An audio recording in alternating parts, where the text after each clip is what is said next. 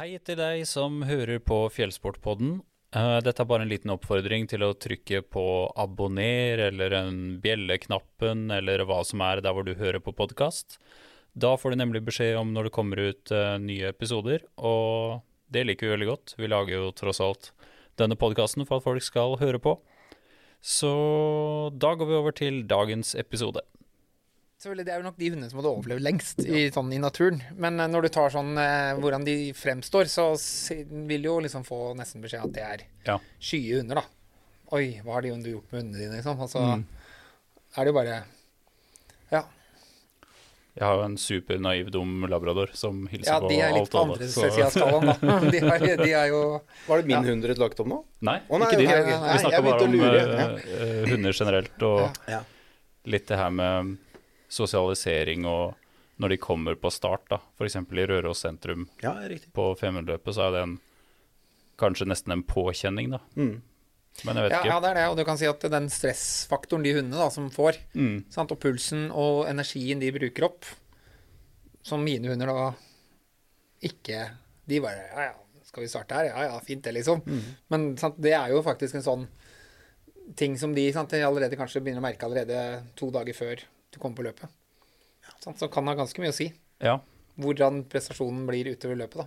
Altså kom, at de kommer til en ny plass og, og hele totalpakka stjeler ja, energi. reisen, reisen, kjørerne er mer stressa, kjørerne sant, puls. Du som driver med hunder, veit jo det hvor mye pulsen din og din atferd med små, små ting påvirker hunden, sant. Mm. Altså, er du stressa, så blir hundene lurer hundene på hva som skjer, og, og begynner å oppføre seg merkelig, da. Mm.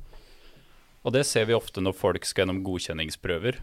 Ja. At uh, kanskje hunden nesten ikke kjenner igjen føreren, og Nei, begynner å gjøre andre ting. Og så blir føreren da frustrert, sant. Mm. og litt sånn stressa, og så er du liksom over i Jeg vil si at det, i den der langdistansen, særlig de lengste løpene, da, så er det jo 75 mentalt oppi hodet ditt. Hvis du klarer å holde og rydde i topplokket, da, så er det faktisk eh, Det er konkurransefaktoren. Hvis Ja. du har gjort jobben, da, utstyr og, og trening og fòring og sånn, altså du har liksom, det har jo de beste som regel gjort, så er det faktisk bare mentalt. Wow. Så, og det er påvirkning av hundene, hvordan du påvirker dem. En annen ting som er litt kul der, er at, eller kul der, er at eh, når jeg er på leteaksjon, så er det på en måte Da er jo alvoret der. Det er på en måte verre enn noen prøve du har vært gjennom. Men min hund uh, skjerper seg da, og hun viser virkelig liksom uh, sin beste versjon av seg sjøl, da. Så hvis du tar den følelsen der, Mm. Og så tar du tenker deg et løp, og så tenker deg sånn du skal påvirke hundene uten å legge press på dem hele veien. Gjerne i en uke om gangen. Ja, ja. Ja. men det er faktisk følelsen. Det, altså, akkurat det du beskrev der, det er det de fleste kjørerne ikke, ikke klarer. De Ja. klarer ikke å få hundene til å prestere bedre på løp enn det de gjør på trening. Så Men- mine, går, mine hunder kan gå ganske sakte hjemme, og så kommer du på løp, og så plutselig går de opp fire kilometer i timen. Sant? Altså forhold til hva jeg trener hjemme, da. Så, og det har det akkurat det du sa, at du vil noe, sant. Du vil Du vil sant? gjøre oppgaven din, og det skjønner hun. Hvis du klarer å smitte over det på en riktig måte. Men er ikke det en enorm påkjenning for deg på dag fire eller fem Jo. på et løp? Men det er jo det, det, er det som jeg sier. Altså, Mm. hundekjøring langdistanse er holde orden i topplokket og påvirke hundene på riktig måte. Sant? Du vil, men du skal ikke presse, sant? og du skal ikke heller være sur og trøtt og lei og alle de andre tingene, skuffa, altså alle de andre tingene som også kommer, da. Sant? Så det er det som er det vanskelige. Holde, holde hodet oppe, for å si det sånn. Ah, hvis, da lurer jeg på, hvis du stiller til start og tenker her skal jeg stille til start for å prøve å vinne. Ja. Det, det håper jeg jo noen ganger at du tenker når du står på startstreken. At du, du står på, over det òg, tror jeg. men at du stiller til start og tenker at uh, her går jeg for gull. Uh, og så hender det vel at du kommer halvveis i løpet og skjønner at uh, dette går ikke. Men prøver du da å fake it overfor hundene dine? For hvis du skjønner hva jeg mener, på dag fire, da. Si at du skjønner at vet du hva, dette går ikke. Nå har det skjedd masse uflaks. Jeg har hatt eh, altså, Ja, ja. andre ting. da, Du har uh, skada deg, eller alle bikkjene har diaré, eller et eller annet. Vil ikke da hundene skjønne også veldig kjapt at eh, du har kapitulert og sikter på den 17.-plassen istedenfor? Eller prøver du da å fake det, sånn at bikkjene fortsatt skal løpe som om de tror dere løper for gull? Nei, jeg tror ikke du klarer å fake det. Altså, for det her er noe som er så innebygd i deg sjøl. Ja. Og hundene Så da er du ærlig med hundene, da, og viser at liksom Ja, hva, de nå- merker det med en ja, gang. Sant? Så, Nå koser men vi det oss var jo siste det som skjedde på, for eksempel på Finnmarksløpet i år, sant? hvor jeg hadde det kneet som eh, Hvor det beinet Altså, jeg skulle jo egentlig ikke ha kjørt løpet, men altså, sant, hvor kneet var ødelagt. Altså helt ødelagt. Og begynte å låse seg, sant? og du klarte ikke å sette den på huk, og så låser du seg, og så liksom Det ble bare slitsomt.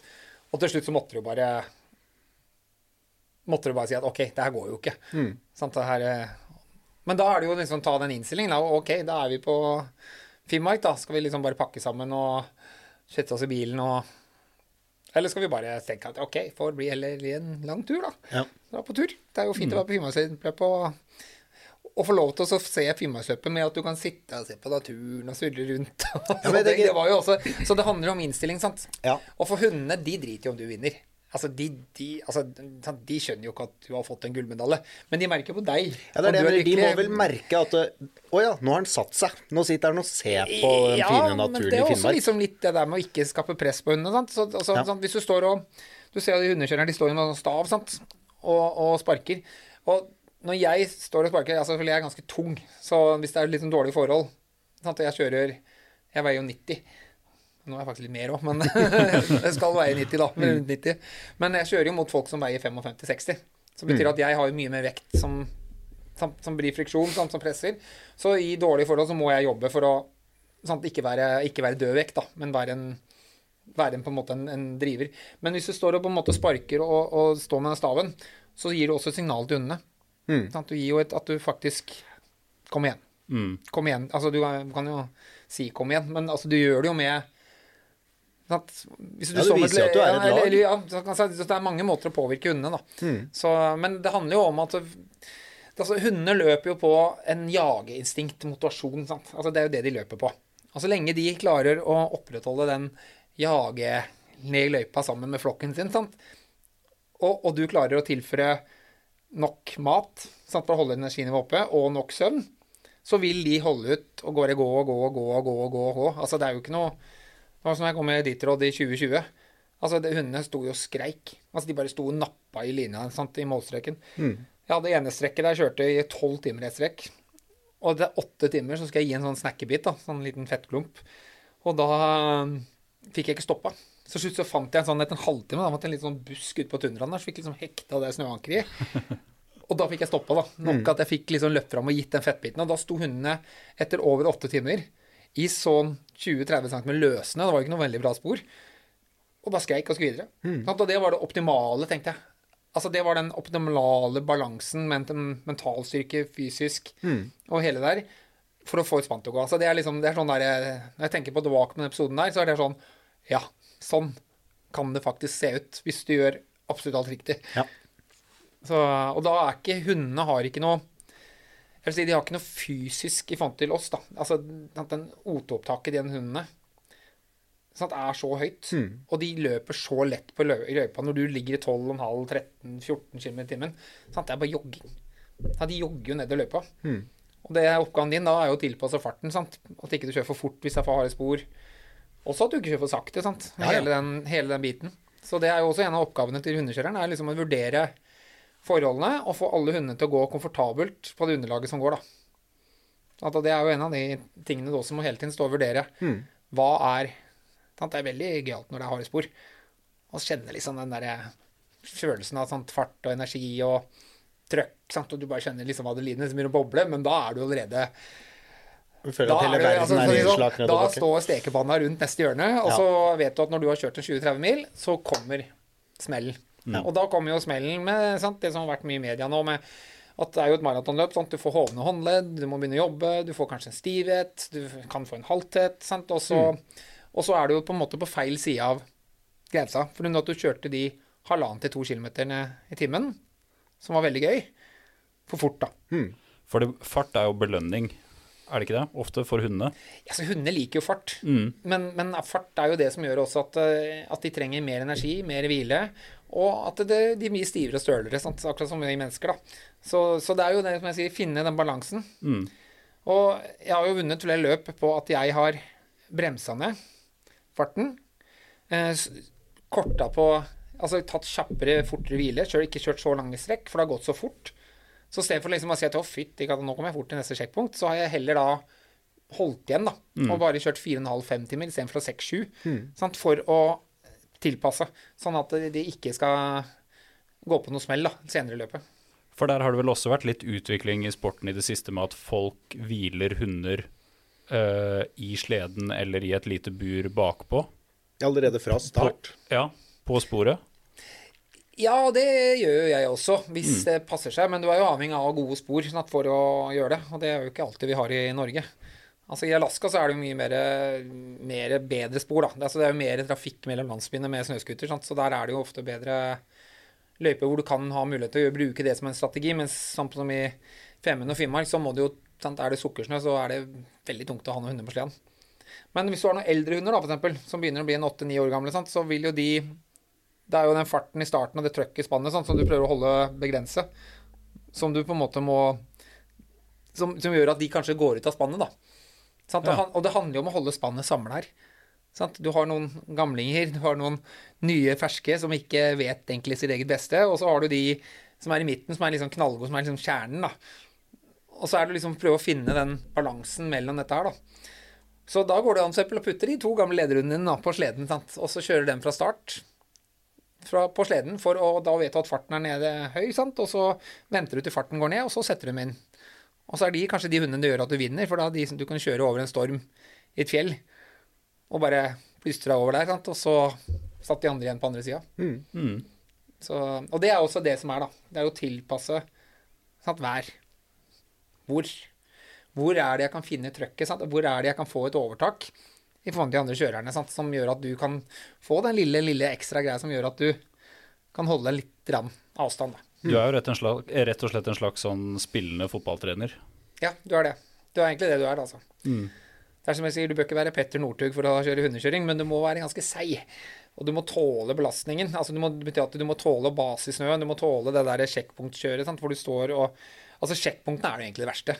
For du kommer til sjekkpunktet, og så skal jo du være kokk og Altså, du skal være i masse oppgaver. Og det, det er jo det som på en måte er vanskelig, da. Altså, du, og da har du ikke sovet heller, da. Og så kommer du inn, og så skal du begynne å jobbe som en helt så svetten spruter i en halvtime, da. For å være rask for at hundene skal få søvn. Og så kan du hvile, da. Du nevner uh, fotballtrener, du nevner Petter Northug. Er det, for å sette litt sånn bilde på det til uh, alle som hører på, da. Er det noen spesielle idrettsmennesker du, du tenker at kunne gjort dette bedre enn andre? Føler du liksom at sjakkspillere ville hatt en eh, fordel, eller langrennsløpere, eller syklister? Er det noen Du kjenner jo andre idretter akkurat som vi gjør, sånn gjennom TV og kanskje gjennom hobby osv., men er det noen andre sporter du tenker at de hodene der kunne gjort det bra i denne sporten også? Jeg tror det er veldig individuelt hvordan du takler den sporten her. Jeg har hatt med meg forskjellige folk og hvor med, som har kommet eh, Jeg har jo hatt med meg Mats, som er sjefen i Aker Bymarine. Han kjørte jo Mørs-Ymfjell, som er et 20-milsløp, sant, første løpet hans. Og han skulle sant, Han var så god form. Han er jævla godt trent. da. Han var jo skater. Sant? Han har jo liksom skikkelig balanse og kjernemuskulatur. Og Han skulle løpe for alle.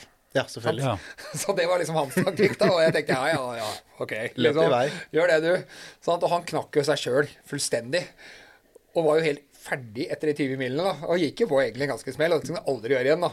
Men sånn, ah, måtte kjøre kanskje neste sesong, da. Være med. Så sa jeg kanskje vi skal legge en litt annen, litt annen taktikk, da, for å Ja. mestre dette her. Og så er han jo veldig flink hundemenneske. Mm. Sant? Så han er, det også må det være. Da. Du må jo lese hundene og se blikket. Og det, er, det har han. Han, han har veldig sånn forståelse Mm. for hundene og klarer liksom å få den connection med dem. da.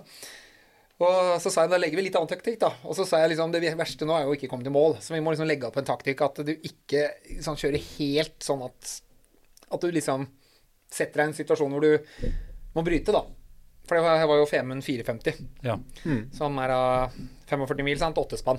Åttespann er jo det som er ille med åttespann, det er at mister du to hunder, så er du nede på seks, sant? og da begynner det å bli litt lite trøkk i spannet, for den sleden blir jo ikke lettere selv om du mister 200. Så da la vi jo et taktikk da, hvor han skulle, skulle kjøre etter noen og, og ligge på sporet. Sant? Og, og han gjorde jo den. Helt annen innstilling. Kom i mål, var ikke sliten engang, og kjørte inn til sjetteplass. Ja. Med egentlig ganske lite erfaring, da. Men med en veldig riktig innstilling, og selvfølgelig utrolig seig i huet, da. Altså, han er jo Ja, ja, han veldig, er ikke han har jo par heller. egne personlige egenskaper som gjør at han takler dette her. Ja. Men der ser du liksom, det er, den, det er jo den innstillingen du går inn med også. Så jeg tror hvis du for eksempel tar Petter Northug, da, Mm. så er jeg sikker på at han har et hue til å vinne et, et underkjørløp. Mm. Men jeg tror kanskje hvis han tar den approachen som han har hatt sant, på Ja, ja, blir litt for rastløst rastløs altså, til å holde bruker rett inn, så hadde jo han også gått på trynet. Ja. Men det er jo helt klart den taktikken som han har brukt, sant? den er jo det er jo rett inn i hundekjøring. Han hadde Ja, ja. nok likt den taktikken han. Sant? Altså, Ja, ja, ja. Og brukt den og finne svakheter. Hvordan kan jeg lure kjørerne? Hvordan kan jeg få et fordel? Kan, er, kan jeg liksom trikke dit her og late som jeg hviler, og så kjører jeg videre? Sant? Altså, det er masse sånne småting du kan gjøre da, for å vel- lure de andre. da. Han har vel også på mange måter tatt vare på seg selv på en måte du tar vare på hundene, med maksimal mat, maksimal søvn. Alt er terpet til fingerspissen, da, utenom mm. selve løpet også. At, eh, Ja. Jeg har vel inntrykk av sånn Petter Northug, uten at jeg kjenner den sporten eller han noe spesielt, men han kom vel aldri ja. dårlig forberedt til start. Det også var vel litt sånn Nei, jeg tror hvis Petter hadde kjørt uh, Han var veldig flink til å spise, Petter, veldig flink til å sove, så- veldig flink til mye av det der, da. Ja, men jeg kjenner jo broren hans, og de har jo liksom en sånn de har, Du ser jo, de har jo den tæren. Sant? De har den der vinnerskallen, sant? Som, og de er villige til å gjøre jobben. Og, sant? og det kommer du veldig langt med. Men her skal du jo også ta vare på masse individer Mm. som har personligheter, sant? som er en hund Altså, en, en husky er jo ikke bare en husky. Du har en, sant? en er god på det, en er god på det, en er litt sånn, en er litt sær, en er veldig for hardtgående. Sant? Altså, du, alle de tingene du må hele tiden ta hensyn til. da. Så, så det er jo det som gjør hundekjøring egentlig sånn utrolig komplisert. At det er så mye Altså det er så komplekst av alle elementer som du må ta hensyn til. Og egentlig være god på, da. For å være god. For én ting er jo det å kjøre løpet, men det er jo på en måte alle forberedelsene i forkant og dyrestellet hjemme i hundegården og Det er jo en totalpakke her som gjør at tiden du kjører løp, er jo veldig liten i løpet av et år. Ja, hvis du begynner å se på lite timer løp du har i forhold til Ja. innsatsen du legger inn, og hvis du da tenker på at en hund er jo egentlig ikke god nok til å prestere på et virkelig høyt nivå, altså på Editrod og lange Finnmarksløpet, før den er tre år gammel. Sant? Så du har lagt inn tre år med innsats på en hund. Hvor, før langt, hvor langt løper en hund i løpet av et år, da? Nei, altså det er jo mange som trener veldig mye. Jeg trener jo nesten minst av den eliten, tror jeg. Sånn, mm. Så stort sett så har jeg sånn 400 mil fra august til, til eh, Finnmarksløpet, da, eller Detroit. Og det betyr jo at du begynner jo korte turer, sant? og så trapper du opp og trapper du opp. Ja. Og så, mens jeg har jo konkurrenter som har 800 mil, sant? som er, eh, er mye. Mm. Og det setter du litt Da er jo liksom 1000 km er langt, men det setter du litt i perspektiv når du vet hvor mange kilometer det er før for å komme seg til start, da. Så er Ja, det jo ja, det det er noen er, meter som skal til. Du skal Det ha er noen mange meter på meter og mye preging, da. Og, og, sant? og forskjellige filosofier. Jeg har mer en mental Jeg liker det mentale. Mm. Altså jobbe med hundene mentalt. Sant? Og så få den connection, og få dem til å gå riktig. Ikke trene dem til å gå riktig, men faktisk få dem mentalt til å skjønne at det her skal vi Sånn skal vi gå. Mm. Altså vi skal, og, og da er det mye lettere for meg å justere det løpet. Mens folk, noen trener jo liksom sånn mengde, mengde, mengde, for å få hundene til å gå på en viss måte. Ja. Men da går de alltid, ofte syns jeg, da, da går de jo sånn samme hva. Så er det veldig god spor, så går de fortsatt liksom sånn. Og er det veldig dårlig spor, så går de fortsatt Så du kan ikke kjøre herfra til månen. Men det er jo det er veldig mange forskjellige måter. Men det som også er morsomt, er jo at så mange forskjellige måter, så mange forskjellige individer av hunder, personligheter og sånne ting. Og så kommer du, og så kjemper man jo om minutter noen ganger. Ja. Eller timer. Mm. Sant? Og så har du alle de forskjellige måtene å gjøre det på. Ja, ja. Og så kommer det ned, og så er det liksom snakk om hard konkurranse det ned til ja, ned til minuttet noen ganger, da. Det er utrolig interessant. Jeg gikk jo faktisk hundekjøring på Valdres folkehøgskole i Ja, du gjorde det, 2011-2012. Var du så brent, eller? Eh, ja, Ja. det stemmer. Eh, fantastisk tur og fantastisk fyr, eh, forresten. Hundekjører fra Alaska. Ja. Og husker du Femundløpet i 2012? Eh, ja. Der eh, var jeg på mitt kaldeste i livet noen gang. Jeg sto og passa på en sånn vei, eh, veiovergang rett før Drevesjø. Og der mener jeg at For det var så kaldt den gangen at det blei sånn obligatorisk vettsjekk på eh, Drevsjø. Ja, stemmer. Mm. Um, og det tar oss jo litt over i liksom det som er liksom tematikken i episoden i dag, da, som er liksom frysing og uh, bekledning i uh, veldig kaldt vær. Og da lurte jeg litt på hva er, uh, hva er det kaldeste du har vært? Kan du huske det?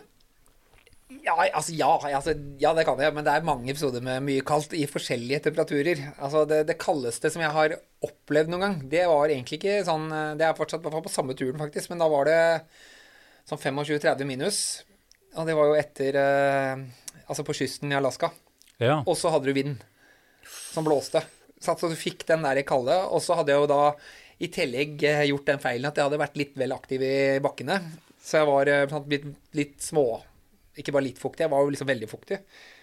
Og det, det er vel noe av det kaldeste jeg har opplevd noen gang. Altså Da var du så kald at du merka jo at hodet begynte å Altså du merka liksom at nå, nå skjer det ting i huet som gjør at jeg at dette her er ikke bra. Altså nå må jeg stoppe og begynne å ha på meg klær, for da merka du liksom at du begynte å pakke sammen. Så det er jo Ja. det kaldeste jeg har liksom opplevd. Sånn Men det jeg kan si det vondeste som jeg har opplevd, det er jo henda, sant. Det er jo det som er det verste ofte når du driver med, med det de driver med, og, eller er på tur. Sant? Altså du, du, du tar av deg på hendene for å gjøre en eller annen oppgave, sant? for du får ikke til dette med hansker eller fyrstikker eller altså, altså et eller annet. Og den tida sant, du bruker da på å bli varm igjen på hendene, sant, det kan jo være en halvtime, time, før du liksom får igjen følelsen. Sant, og da vet du da Det gjør ikke godt når du får igjen følelsen heller. Så, så jeg må jo si det vondeste er egentlig er jo egentlig den henda, syns jeg, altså, som du virkelig får svi. Og det er gøy at du sier, for jeg må skyte inn at eh, jeg, på den der nevnte veiovergangen før eh, Drevsjø, så hadde jeg den viktige oppgaven av å sende SMS til sjekkpunktlederen når et spann passerte, og gjerne hvilket spann det var. Så jeg måtte av med hanska for å selvfølgelig trykke på denne mobilen. Jeg husker ikke hvor kaldt det var, men jeg tror det var sånn rundt 40. Og da fikk jeg en sånn bitte liten sånn frostskade i, i fingeren. Og det var jo sikkert, jeg måtte sikkert sende melding, fordi at uh, da skulle de gå ut av den varme lavvoen og, og være klar bort på Drevsjø der. Så jeg kjenner meg veldig igjen i det der eh, det med å ta av hansker og votter og sånn for å gjøre fin motorikk. Men du, bruker du da liner eller et eller annet for å motvirke det her, eller kjører du bare hender på finmotorikk? Nei, jeg prøver jo å bruke linere, så jeg bruker jo veldig mye Jeg liker ull. Så ulempen med, med ullinere er jo at de, du må ha en god del av de, fordi de tåler jo ikke. Men altså tynne ullinere, sånne som egentlig er veldig, veldig sånn, sånn at du har full kontroll på hendene, Supertighte, da? Ja, super, ganske tighte. Altså, Det er helt fantastisk. Og jeg har jo jeg legger jo på en måte alltid inn på brystet et uh, par, og så har jeg liksom ett som er tilgjengelig, sant? og så rullerer jeg dette her. Særlig hvis jeg er på løp som jeg ikke får skifta, da. Så, og det er, jo, det er jo det aller beste du kan ha, for da, samme hvor kaldt det er, så, så klarer du liksom også å opprettholde en varme i hendene. Men altså kulde på hender og sånne ting har jo også med tilvenning. Altså Hvis du og jeg hadde gått ut nå og, og begynt å base i snøen her med, med hendene og, og holdt på, så hadde vi jo blitt kalde, selv om det ikke er mer enn minus én her, eller null. Men hadde vi liksom blitt vant til det og vært ute noen dager Så kroppen også tilpasser jo seg kulda. Altså når du får vært ute noen dager. Så, sant, så det du ikke tålte for to dager siden, det tåler du i dag. Og det er jo også sånn, men, men kulde på hender og på en måte, det har jo veldig mye å si med teknikk, altså. Altså ikke bli våt. Sant? Unngå ting. Få på den lineren når den er våt. Bytt i. sant? Altså, og ha rutiner på en måte å holde deg tørr på, da. Kjenner du Odd Lund, som driver med sånne grønlandshunder? Han var sånn eh, vikarlærer for oss en uke på folkehøyskolen. Og han sa det at på høsten så drøya han det alltid lengst mulig med å starte å bruke hansker. Og da er spørsmålet mitt, gjør du noen sånne grep for å eh, kall det akklimatisere deg til det kalde været? Nei, det gjør jeg egentlig ikke. Og jeg, si sånn, jeg, har, jeg har sånn prinsipp, jeg ser ingen grunn til å fryse hvis ikke jeg må. så det, Det er godt så å høre. ja, Det er godt å det høre. måte, jeg har liksom, jeg har, jeg har, jeg har, lidd nok for det sånn, sånn eh, kuldemessig, så, så jeg gjør alle grep for å holde meg varm. Og, og begynne med stillongs stilig, og begynne med på en måte de tingene jeg må ha. Så, og husk på, hvis du tar det vi prata om litt sammen, mental? Altså Hvis du fryser, så bruker du så mye energi sant, på å prøve å holde deg oppe i huet for ikke, sant, fordi at du er så kald. Sant? Så det er liksom, hvis du da unngår det, så slipper du å bruke energi på å tenke på at du er kald og har det vondt og det banker i hendene. Sant? Ja, for du er ikke den beste versjonen av deg sjøl når du fryser? Nei, absolutt ikke. Og det å fryser, altså det, er, det tar vanvittig med energi. Og det ser du jo også hvis du slanker lyst til deg. Så da er det jo bare å fryse litt. Altså vekta går jo ned som en uvær når det er kaldt, altså. Altså det er jo skikkelig, eh, skikkelig opplegg. Oskar, du har slutta med frysing, det husker jeg du sa i fjor. Ja, jeg har jo Jeg er ikke noen sånn superpopulær eh, blant alle kollegaene mine her når jeg har hatt dem med på tur, for jeg uh, sier ofte det at å fryse det er noe du bestemmer deg for, og det kan du legge igjen hjemme. og, um, og, jeg mener virkelig det, at uh, det kan man bestemme seg for å ikke gjøre. Altså, selvfølgelig, jeg skjønner jo at uh, i 30 minus langs en åpen kyst på vestkysten av Alaska, så er det, da er det vanskelig, men allikevel, jeg er som deg, tenker at man det er ikke noe Altså, fryse, det, det slutta jeg med. Det har man gjort nok. Man kan kle seg ordentlig, og jeg ser heller ikke noen grunn til å skulle gå rundt og prøve å bygge liksom motstandsdyktighet da, mot kulde. For det lurer jeg på. Du, du, snakker om hender, og veldig mange sier jo det at de fryser mer når de blir eldre. Altså på hender, har du merka noe til det bare de siste ti åra? Eller sånn som Sindre nevner en forfrysning han fikk Eh, og da er det jo også mange som sier at eh, etter den så sliter de mer med kullet på fingrene, f.eks. Ja, det, det, gjør jeg. Jeg merker jo at jeg har jo noen eh, Det var jo Alaska, det òg, i 2015. Hvor det var 55 minus i fire dager. Altså varma opp til 47 på dagen, liksom. Og det, og det var så kaldt at du selv, du, selv om du tok alle forholdsregler, så klarte jeg faktisk å få en forfrysning på høyrehånda. Og så fikk jeg her og her. Og hvis du ser, så er det ofte bilde av meg med sånn der eh, Jeg har kapper opp en sånn bøff. Og så kapper jeg flisen, sant? og så har jeg den, og så snur jeg den rundt. Så jeg har den over her. Ja. Det er over nesetippen. Over nesa, og, ja. og, for å beskytte her og her. Og, det, og, hvis du kjenner på hånda mi nå, så kan du jo kjenne at den ene er kaldere. Ja. Altså når jeg sitter her inne i varmen her nå, så er den høyrehånda mi kaldere. Og det er selvfølgelig Den kommer jo fort.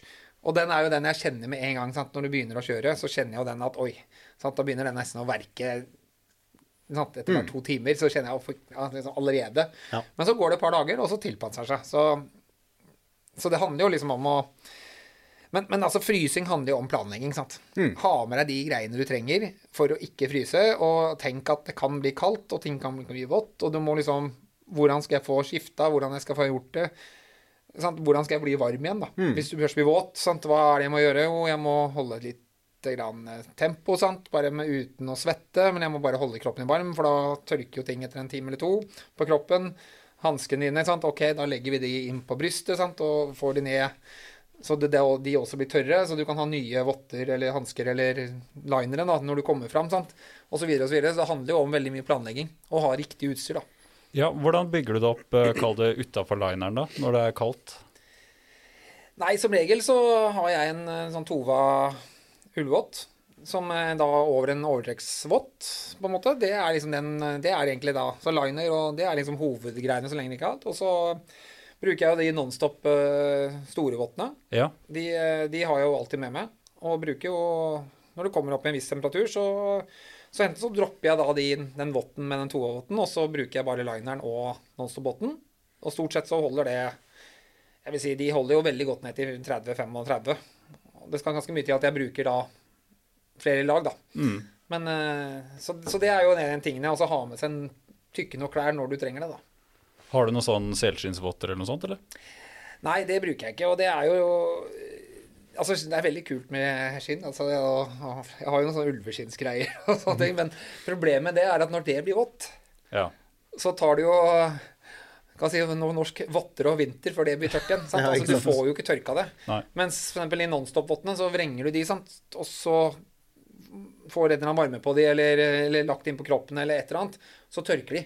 Mm. Så du får, det, du får, igjen tørrheten fort, da. Og ting kan jo fort bli vått, altså. Det har jo ja, vært en veldig utvikling med elektriske klær. Jeg vet ikke om du har fått med deg det, men det er jo mye votter og hansker, såler, sokker men også øh, jakker og bukser og vester og ja. sitteunderlag og ja, gud vet hva. Har du øh, opplevd noe, eller har du sett noe til det? Eller ja, altså, bruker jeg du har noe jo sett det, men jeg, for det vi driver med, sånn, så er det, det Du må eliminere vekk alt Mm. som ikke du må gjøre. Sant? Altså, det, er- sant? det er om igjen å det er ikke om å lesse på med oppgaver. Jeg har jo ikke med meg telt heller. Sant? Jeg har jo med meg heller ting som gjør at jeg kan Jeg har jo med meg en Jerven fjellduk, sant? og så legger jeg jo et jo en Exped eller et eller annet sånt inn i den, sant? og så soveposen oppå der. Og så er, gjør jeg det lettvint for meg sjøl. Og det er liksom sånn der. Altså, så fort du skal begynne med å bytte batterier, sant, så skal du ta deg på hendene, ha med deg batterier. Og så hvor lenge varer de, da?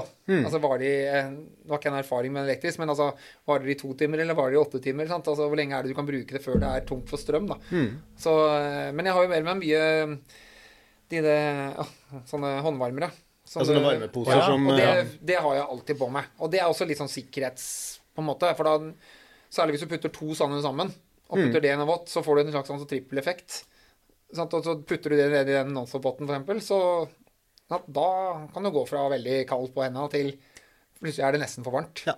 Så Og de veier jo ikke noe særlig heller. veier så ikke noe, og det er en fin sånn sikkerhets... eh, Det er veldig fint sånn sikkerhetsmessig. At du, du kan Ja. Og nå får du jo masse sånne fine sånn som du kan ja, bare koke opp igjen, sånn, så virker de på nytt igjen, og det er jo mye bra nå. Men Det hadde jo vært kult, nå fikk jeg bare et innfall her, men det hadde vært kult å sende deg en sånn varmevest for testing. Er du Ja, villig er du villig til å er jeg prøve sier, det? Jeg ser ingen grunn til å fryse hvis ikke jeg må, så, så, jeg, så jeg er åpen for, eh, for eh, Jeg er åpen for å prøve nye ting. Men jeg, jeg ser jo bare det praktiske hvis du skal kjøpe på Editrod, da. Ja. Sant? Og det, det eneste du har å leve av nå de neste ni døgnene, det er de tre posene dine som står på hvert sjekkpunkt. Ikke, sånn Du møter jo ikke folk. Altså Du møter jo noen sjekkpunktansvarlige, men du møter jo ikke noen du kjenner, eller handler, eller noe sånt. Men av de 400 mila du kjører, så er jo ikke bare ditt råd. Det er da noen turer i skog og mark og Og der er det jo veldig Og det er behagelig. klart, det er jo ja, det er, da, ting vi- det er da vi tenkte at Og det er jo eh, veldig behagelig. Sant? Når du sitter på sleden og skal rundt Synnfjellet, for eksempel, tre-fire timer, og, og det er kaldt og blåser og ja, da, og, da, og da er det jo veldig behagelig å kunne ha det litt ålreit òg, da. For vi var jo på vintertur um, i fjor, og, eller var vel egentlig i år. Og Mm. da um, hadde vi med et kamerateam, og de hadde sånne vester. Vi da, utstyrte de med alt Ja. mulig, da, av elektriske klær. og da gikk vi jo mye på ski med pulk og greier, og så når vi kom fram eller tok en to-tre minutters pause, så bare trykka de på brystet, og så begynte den å fyre, da. Så da slapp de liksom å ta på seg en ekstra dunjakke eller Så Ja, De sto jo og lo, de 15 minus, og lurte på hvorfor alle vi begynte å kle på oss dunjakker hver gang vi skulle stoppe. ja, de sto jo der med varmekabler rundt hele kroppen, Mm. så Så verken Ja. Sindre eller jeg er jo noe særlig bevandra i det, men, men det er, vi bare observerer da at det er jo et uh, interessant øh, tema. Vi bare ser at det er en Ja, det blir mer og mer av det, og vi Ja. ser jo at vi selger mer og mer av det, men vi ser jo også mer og mer rundt oss da, at folk faktisk eh, bruker det. folk som ser på fotballkamp eh, med barna sine, ikke sant. Så Ja, og der, der snakker du kanskje om liksom det som Hvis man begynner å se på veldig-bruken av det, da. Altså hvordan skal du få med deg folk som da ikke er sånn som meg, da, som er vant til å være ute og aksepterer å fryse og, og, sant, og tar tiltak, men hvordan skal du få med deg folk og gi dem en behagelig opplevelse? Ja. Så de syns faktisk det er veldig ålreit å dra på neste tur òg. Ikke at de liksom tenkte at dette her var jo bare vanvittig kaldt og fin natur, men dette her orker ikke jeg en gang til, liksom. Altså, og, og Kjører du sånne- noen hundeslede med turister? Eh, Guider du noe? Nei, jeg, jeg guider litt, grann- litt sånn eksklusive turer og sånn. Ja. Men eh, ikke noe, ikke noe sånn Ikke noe fast opplegg? Ikke noe fast, nei. nei. Så, men for dem, for eksempel, da, som driver med, med det, og kunne gi gjestene en Ja, ja. god opplevelse sant? Mm. Tenk deg sånn elektrisk Det kommer noen sitteunderlag, fra en eller annen eh, Kanskje ikke et vinterlig land engang, sant, som kommer til Norge og skal, og skal ut og kjøre. Og det der å få den varmen sant? Og det er jo ingenting som er bedre enn varme og sant? Maten snakker jo ti ganger så godt Mm. ute Ja, ja. hvis du er litt sånn sulten og vært ute en dag, enn det hvis du går på en restaurant. Sant? Hadde du fått det samme, så hadde du jo bedt kokken komme og bytte det ut, liksom. Altså, det er jo litt sånn der. Og det samme gjelder jo klær, egentlig. Klarer Ja, du jeg å få den lille, lille godfølelsen da, i kroppen til folk, så er jo Så ville det være veldig bra. Jeg har guida mye snøscooterturer både tiden før og etter innfarten av elektriske oppvarma håndtak. Ja. Og det er jo liksom Vi gikk fra et hav av forfrysninger og kalde hender og folk som satt og hadde det kjipt, da. Og stive skuldre og stive nakker og vondt i hodet og Til omtrent ingenting. Bare på liksom elektrisk oppvarma håndtak på snøscooterne. Så det er jo Det er Ja, mange ja, sånne altså ting for- som for kan være med Og... Altså for dagsturer og, og, og der du har mulighet til å bytte og sånne ting. Altså, ja. Mm. Det er jo kjempebra produkter. Men jeg lurer på, hva hva, når vi snakker om utstyr da, og klær uh, Deg kontra 15 år siden, 20 år siden. Hva, hva har liksom vært den største utviklingen for deg personlig? Hva har vært den, så, um, ikke hvor du er i livet, det er ikke det, men det er ikke så stort spørsmål her nå. Nå mener jeg klær og, og det du har på deg, da. Nei, altså største Jeg vil si største greia er jo nesten vekten.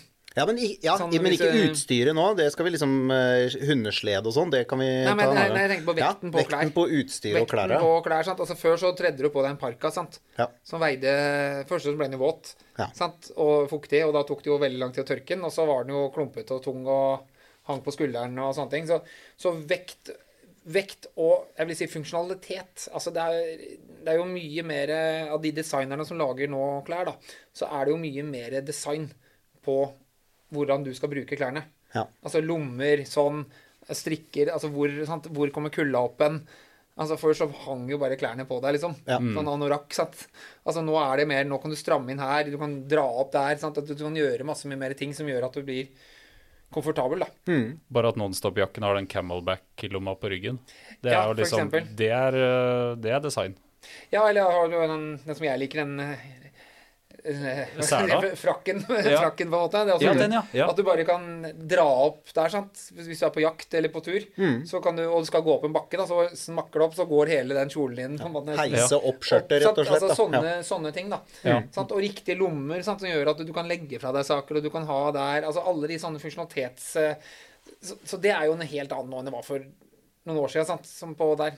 Og så er det jo på en måte eh, hvordan Altså hvordan ting er sydd sammen, er jo også blitt noe helt annet. Så kvaliteten på det du har på deg, rett og slett? Ja, altså kvaliteten på designet, kanskje Altså rett og slett at sant, Duen flytter seg jo rundt, og altså fyllinga, sant. Altså etter at du har brukt den, sant, og plutselig mister du Mister du noe funksjonalitet, da. Mens Ja. nå er det jo lagd egne lommer sant, som gjør at hvordan ting holder seg på plass og skal være der de, de er, da. Men hvis du kunne sendt et produkt fra i dag og 20 år tilbake da, til eh, deg sjæl for 20 år siden, hva hadde du Et, et plagg, da? Altså, eller noe som er med på å holde deg varm? Nei, jeg må si det, altså det mest praktfulle det produktet som jeg liker nå.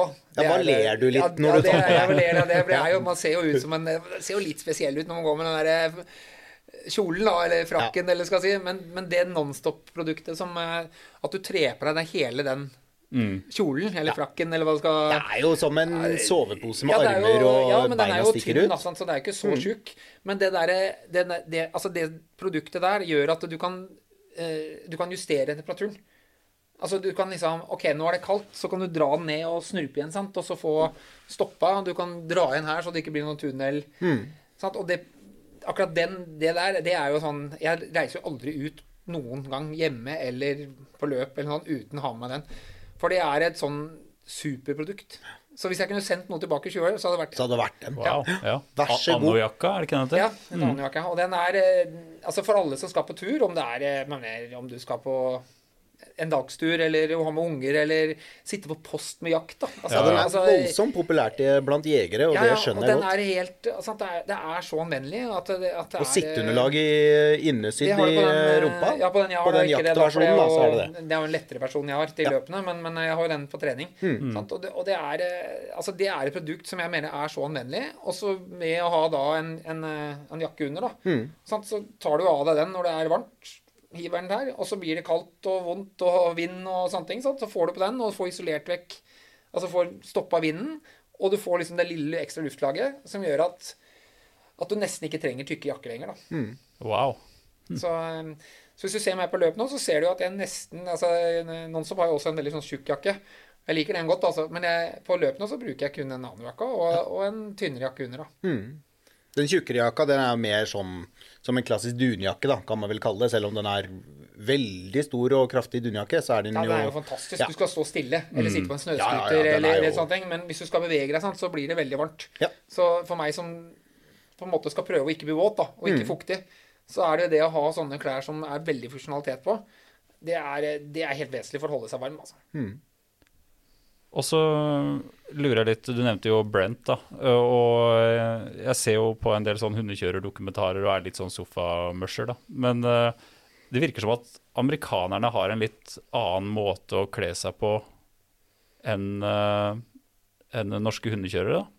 Ja, jeg må jo si Kanskje litt mindre ullundertøy, eller ja, ja. ja, de er jo begynt å komme nå, da. Ja, de har vi det. har vært der nå 80 ganger og stått og ledd av dem når de, de står og fryser, for å si sånn. Så For det, det er jo de der klassiske sånne der gullgraveprogrammer og sånn på Discovery, ikke sant. Og da Ja. går jo de der amerikanerne de går rundt i også uhorvelig kalde temperaturer. Ja. Og det er liksom Det er tre hettegensere på utsida av hverandre. Ja. Og gjerne, men gjerne noen sånne der ordentlig feite ulvevotter eller noe sånt. nå, Det, det skal de ha. Ja. Men så er det en litt sliten caps. Ja, ja. Tre hettegensere i bomull på utsida av hverandre. det, det er det. Og noe ordentlig tjukke sånne Carhartt uh, Ja. jeans, liksom. Ja, da er de for, godt forberedt. Ja, ja. Nei, jeg husker på et sjekkpunkt så sto jeg og Joar, og da var det begynt å bli kaldt. Og, og så hadde vi jo en sånn tjukke ullbukser som skulle ha på oss under, da. Da kom han ene amerikaneren bort og så sa han bare You look like a goddamn sheep. han, skulle ikke ha, på noe sånn her ullgreier eller sånne ting. Altså, Men har du sett en, har du sett en sau fryse noen gang? Nei, altså, det... det- De gjør jo ikke det. Ja, Ja, godt poeng. Men de har begynt nå, altså. Så, så det der med likt, riktig ull og riktig da ytterbekledning, sant? så gjør jo at du giver kan sånt. Det, ser du, det er ikke noen grunn til å fryse hvis Nei. du ikke må. Du må bare ha riktige, riktige greier, da. Jeg husker eh, vi fant eh, Nesna-lobber på eh, en sportsbutikk i Fairbanks. Ja, de er populære. Ja. Og det tar meg litt sånn naturlig overgang over til bein, føtter. Du, hvordan bygger du det opp der, og hvilke type sko og, og sånn bruker du? Nei, Jeg liker jo egentlig å ha litt sko med litt støtte i. Og dessverre, de skoene som har støtte, de er jo for kalde. Mm. Så, eh, men ofte, hvis du tar på trening hjemme, da, så kan du jo bruke noen fjellsko som er varme. Og så har du med deg fotpose, f.eks. Neos eller sånne ting, isolerte sånne utenpå. da. Og det vil jo gjøre at du faktisk får eh, ganske varme. Men, men sånn som hvis jeg skal kjøre ditt råd, så eh, for av funksjonaliteten igjen, sant? det er jo det man kommer tilbake til hele tiden her, altså, så er det jo bare sant? Det, er, det er jo da en Messenlobben. Og så er det jo da en litt stor av de. Ned med en kartank, ned med gode ullsokker, og så en fotpose over der igjen, da. Kjører du høy eller lav Nesna-lobb?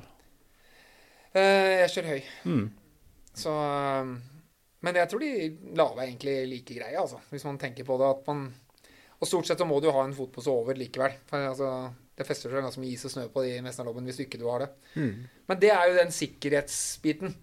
Ja, hvor du ikke kan bytte. Sant? Altså, du, du skal være ute i ni døgn, og du trenger liksom noe som, som du kan få tørka av, sånn du kan bruke hele veien. da. Jeg har jo de eh, raffeste Neos-fotposene, og det er kanskje det beste plagget jeg har kjøpt noen gang. Jeg tror, jeg tror jeg aldri har fryst på tærne i de. Nå har ikke jeg vært ute så mye i de temperaturene du har vært, da, Thomas, men det er bare en så bankers forsikring mot å fryse på tærne. Ja, altså fotposer, altså bare tynne fotposer til og med. Altså får du det utenpå noen sko, så går varmen opp vanvittig. Selv om det egentlig bare har et skall, et skall. Men altså, isolerte fotposer, altså det er, eh, altså, ja, det er tingen å gjøre. For hvis du ikke vil fryse, kjøp det. Og du kan jo i veldig mange temperaturer nesten ha joggesko inni. Ja, og det er jo faktisk eh, en del som jeg har sett i Alaska. De har faktisk eh, joggesko. Sånne halvhøye joggesko, vet du. Og så, og så har de fotposer. Ja. Så, og det er jo ganske behagelig å stå i. sant? Er de ikke også veldig glad i de derre eh, litt sånn derre klovneskoa, de hvite med sånn ventil på sida? Jo, jo, jeg har brukt de. Har du brukt de? ja, ja. Du får jo De veier jo bly, da. Det er jo Så helt det- håpløse. det- men, men du kan si hva du vil. Bunny boots? Nei. Bunny boots, ja. Ja. Så lenge du har da en tørr sokk oppi, for du blir jo klam, da. Så du må jo bytte ut sokker, eller ha, legge plastikk innerst, da. Men så lenge du gjør det Du får aldri Du fryser aldri. Altså, det er det, er det varmeste skoen. Og du kan hoppe ut i en vanndam, sant? fylle skoen med vann, tømme ut, ta på deg en ny sokk, putte oppi, og så er du varm. Ja.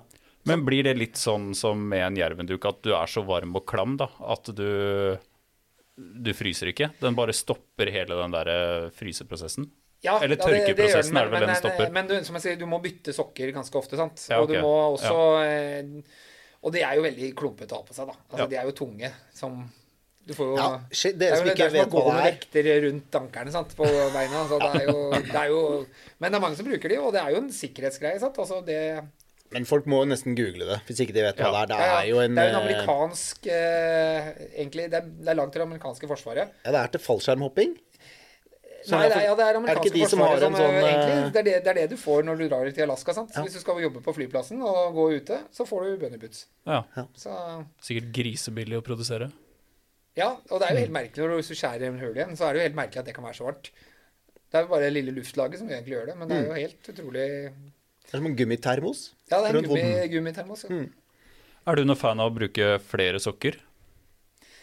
Eh, ja, det er jeg. Så i regel så bruker jeg en innerst, eller bare en tynt, og så bruker jeg en tjukk en utenpå. Mm. Det er stort sett standarden hele tiden, da.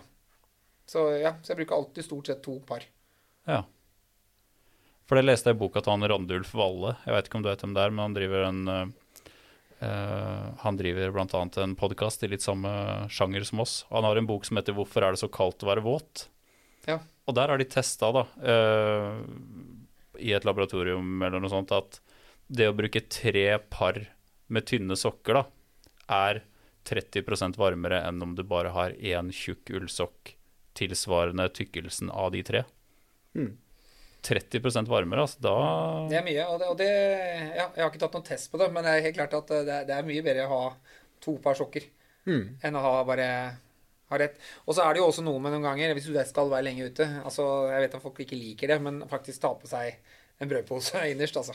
Oh, ja. Så eh, sant, for å stoppe Stoppe Fuktigheten. fuktigheten. Mm. Hvis du på en måte veit at jeg kommer ikke til å få tørka de skoene her på tre dager, fire dager. Eller jeg har kanskje reservediskoene mine langt ut om fem dager, sant, så er det jo Så går det an å gjøre det. Og særlig hvis det er veldig kaldt, da. ja. Men det er som sånne dampsperresokker og så videre, da, Ja, som, som vi kjenner fra polfarerne og sånt, da, ikke sant, som bruker det når de går lange skiturer og, og sånne ting i kalde miljøer også. Ja. Jeg vil jo også si, dere snakker om det der å være varm på beina, og du snakker om det å, å kunne liksom ta på seg fotposer, så får det en stor effekt. Jeg må jo bare trekke fram den derre nonstop-buksa. Den eh, kjempetjukke, varme, varme buksa. Jeg opplever jo litt det samme med den, ja. At det er jo som en dunjakke. Altså den effekten du får når du tar på den svære, gode dunjakka på overkroppen. ja. Jeg har tatt mye på meg den buksa når jeg har kommet fram og skal sette opp telt osv. på vinteren. Og da også merker jeg jo at føttene får en utrolig oppsving på temperaturen. Ja, det det jo hjelper jo veldig med varme knær og varme legger og en sånn god overlapp da, mellom eh, buksa og støvlene. Det jo gjør jo at jeg får utrolig stort utbytte av, eh, Ja, det, de og det, ja, det gjør det. Altså, Ja. det, er du varm på kroppen, så blir du varmere på hendene og beina. Sant? Ja. Er det sånn at du har på deg en skallbukse med en tynn stillongsunder, og det kulda står inn, så er det jo ikke lår du blir kaldt på. Du blir Ja. kald på beina. Sant? Da hjelper Det det jo ikke med nesten godt Nesna-lobber og. Ja. liksom eh, tolv par ullsokker. Det hjelper jo ikke da, så lenge du står der. Du må ha liksom hele Det må være en sammenhengende greie, da. Men det snakker jo om til, helt sånn, tilbake til regulering. Sant? Altså ha funksjonaliteten. Mm. Sånn så jeg bruker den nonsebuksa, den bruker jeg veldig mye, for den har jo så mye fine lommer. Sant? Mm. Og så er det jo Knebeskytter og knebeskyttere, lommer sant? Altså, og, sant? Og lufting i sidene, du- Og så bruker jeg da en tynn stillongs under, bare. mm. Så, eh, så ofte i, på, enten på lange treningsturer eller på, eller på løp, så bruker jeg den buksa der bevisst. Og det er rett og slett Og så regulerer jeg akkurat som du sa. Med, hvis det blir varmt, så Mm. tar jeg opp. For å få ut varmen, da. Så, eh, men så er det om den ikke blir våt, da. Og den er jo veldig god og varm. Ja. Så den er jo Den er jo Jeg bruker jo ikke den hvis det ikke er spådd en viss temperatur, liksom. Nei. Men du veit jo aldri, sant. Og du skal kjøre på natta. Så kan det være 25-30 minus på natta, så, selv om det er fem på dagen. Mm. Så Men det er ikke noen grunn til å fryse. Så, Nei, det, Så- det har jeg slutta med, som sagt. men det er, det er jo det som vi også nevnte nå med det utstyret 20 år tilbake. sant? Altså Alle de der lommene. Alle de smarte, de hempene? Alle de der enkle tingene som gjør liksom at livet blir så mye lettere. sant? Der er fyrstikkene, der er sånn. Der har du den lomme for den. Du kan lage en, organisere hvor du har ting. da. Sant? Der er GPS-en, der har jeg Og det er jo Sånne, sånne funksjonaliteter er veldig viktige, altså. Ja, for Apropos det du snakket om i stad, med å stadig vekk måtte ta seg hanskene for å gjøre alle disse små manuelle jobbene. Der også har det jo vært en enorm utvikling. Bare å kunne åpne, lokke glidelåser Nå er jo ting mye mer tilpasset og skulle kunne gjøre med eh, votter eller hansker eller Altså, det er vel også sånn med mye av utstyret ditt at du har vel på en måte finjustert det såpass at det er veldig mye du kan gjøre uten å hele tiden måtte ta av deg eh, Ja, votter osv. Som jeg forlenger jo på, på ytterjakker og sånt, så forlenger jeg alltid ha Ja. en Ja. lang greie sant, som gjør at jeg kan Hempa ta tak i med votten, ja, sant, ja. Mm. og så dra den opp. Men du må jo selvfølgelig tenke deg litt om, da, for du får jo veldig mye kraft, sant? så du ikke du drar den av. Ja. At, da, da, altså, men, eh, men alle sånne ting er veldig viktige for å holde Mm. på varme. Sant? Altså bruke Og det er jo liksom altså, Dagstur er én ting, men altså, skal du på en lengre ekspedisjon, så bør du jo teste utstyret du skal ha på deg. Mm. Altså, Ja, du, må, du må teste at hvordan skal jeg få dette til å funke. Hva er det som irriterer deg? Ja, når, du, når du tester det, det tenker jeg det er en god pekepinn på hva du bør prøve å fikse på, da, før Ja, du eh, skal ut på ja, det ordentlige eventyret. Ja, og når du står midt ute sant, så er det for seint. Mm. Ja. Da, da må du bruke det du har, sant. Da hjelper det ikke å tenke sånn, «Åh, dette har jeg tenkt på så mange ganger før. ja, før». Det Ja. der skulle jeg gjort om, sant. Det hadde vært eh, utrolig kjekt å ha det der. Ja, det Og det er jo liksom alltid en sånn litt irritasjonsfaktor hvis jeg veit at du kunne gjort noe veldig mye bedre, Satt, På en Men- enkel måte. Har du noensinne stått på sporet i et løp og tenkt Altså lært? Har du, har du et eller annet konkret eksempel på noe du har stått et eller annet sted og tenkt at akkurat det her skal jeg aldri gjøre igjen? Om det er Er det et eller annet du har tenkt sånn Nå gikk det opp et lys for meg for hvordan jeg burde løst dette her.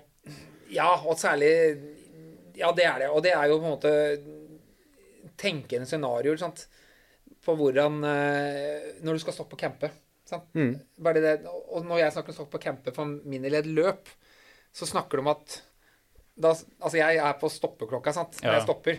Jeg skal bruke så jeg skal bruke 20 minutter, 25 minutter på hundene. Da skal alt være ferdig, og jeg skal ligge i soveposen. sant?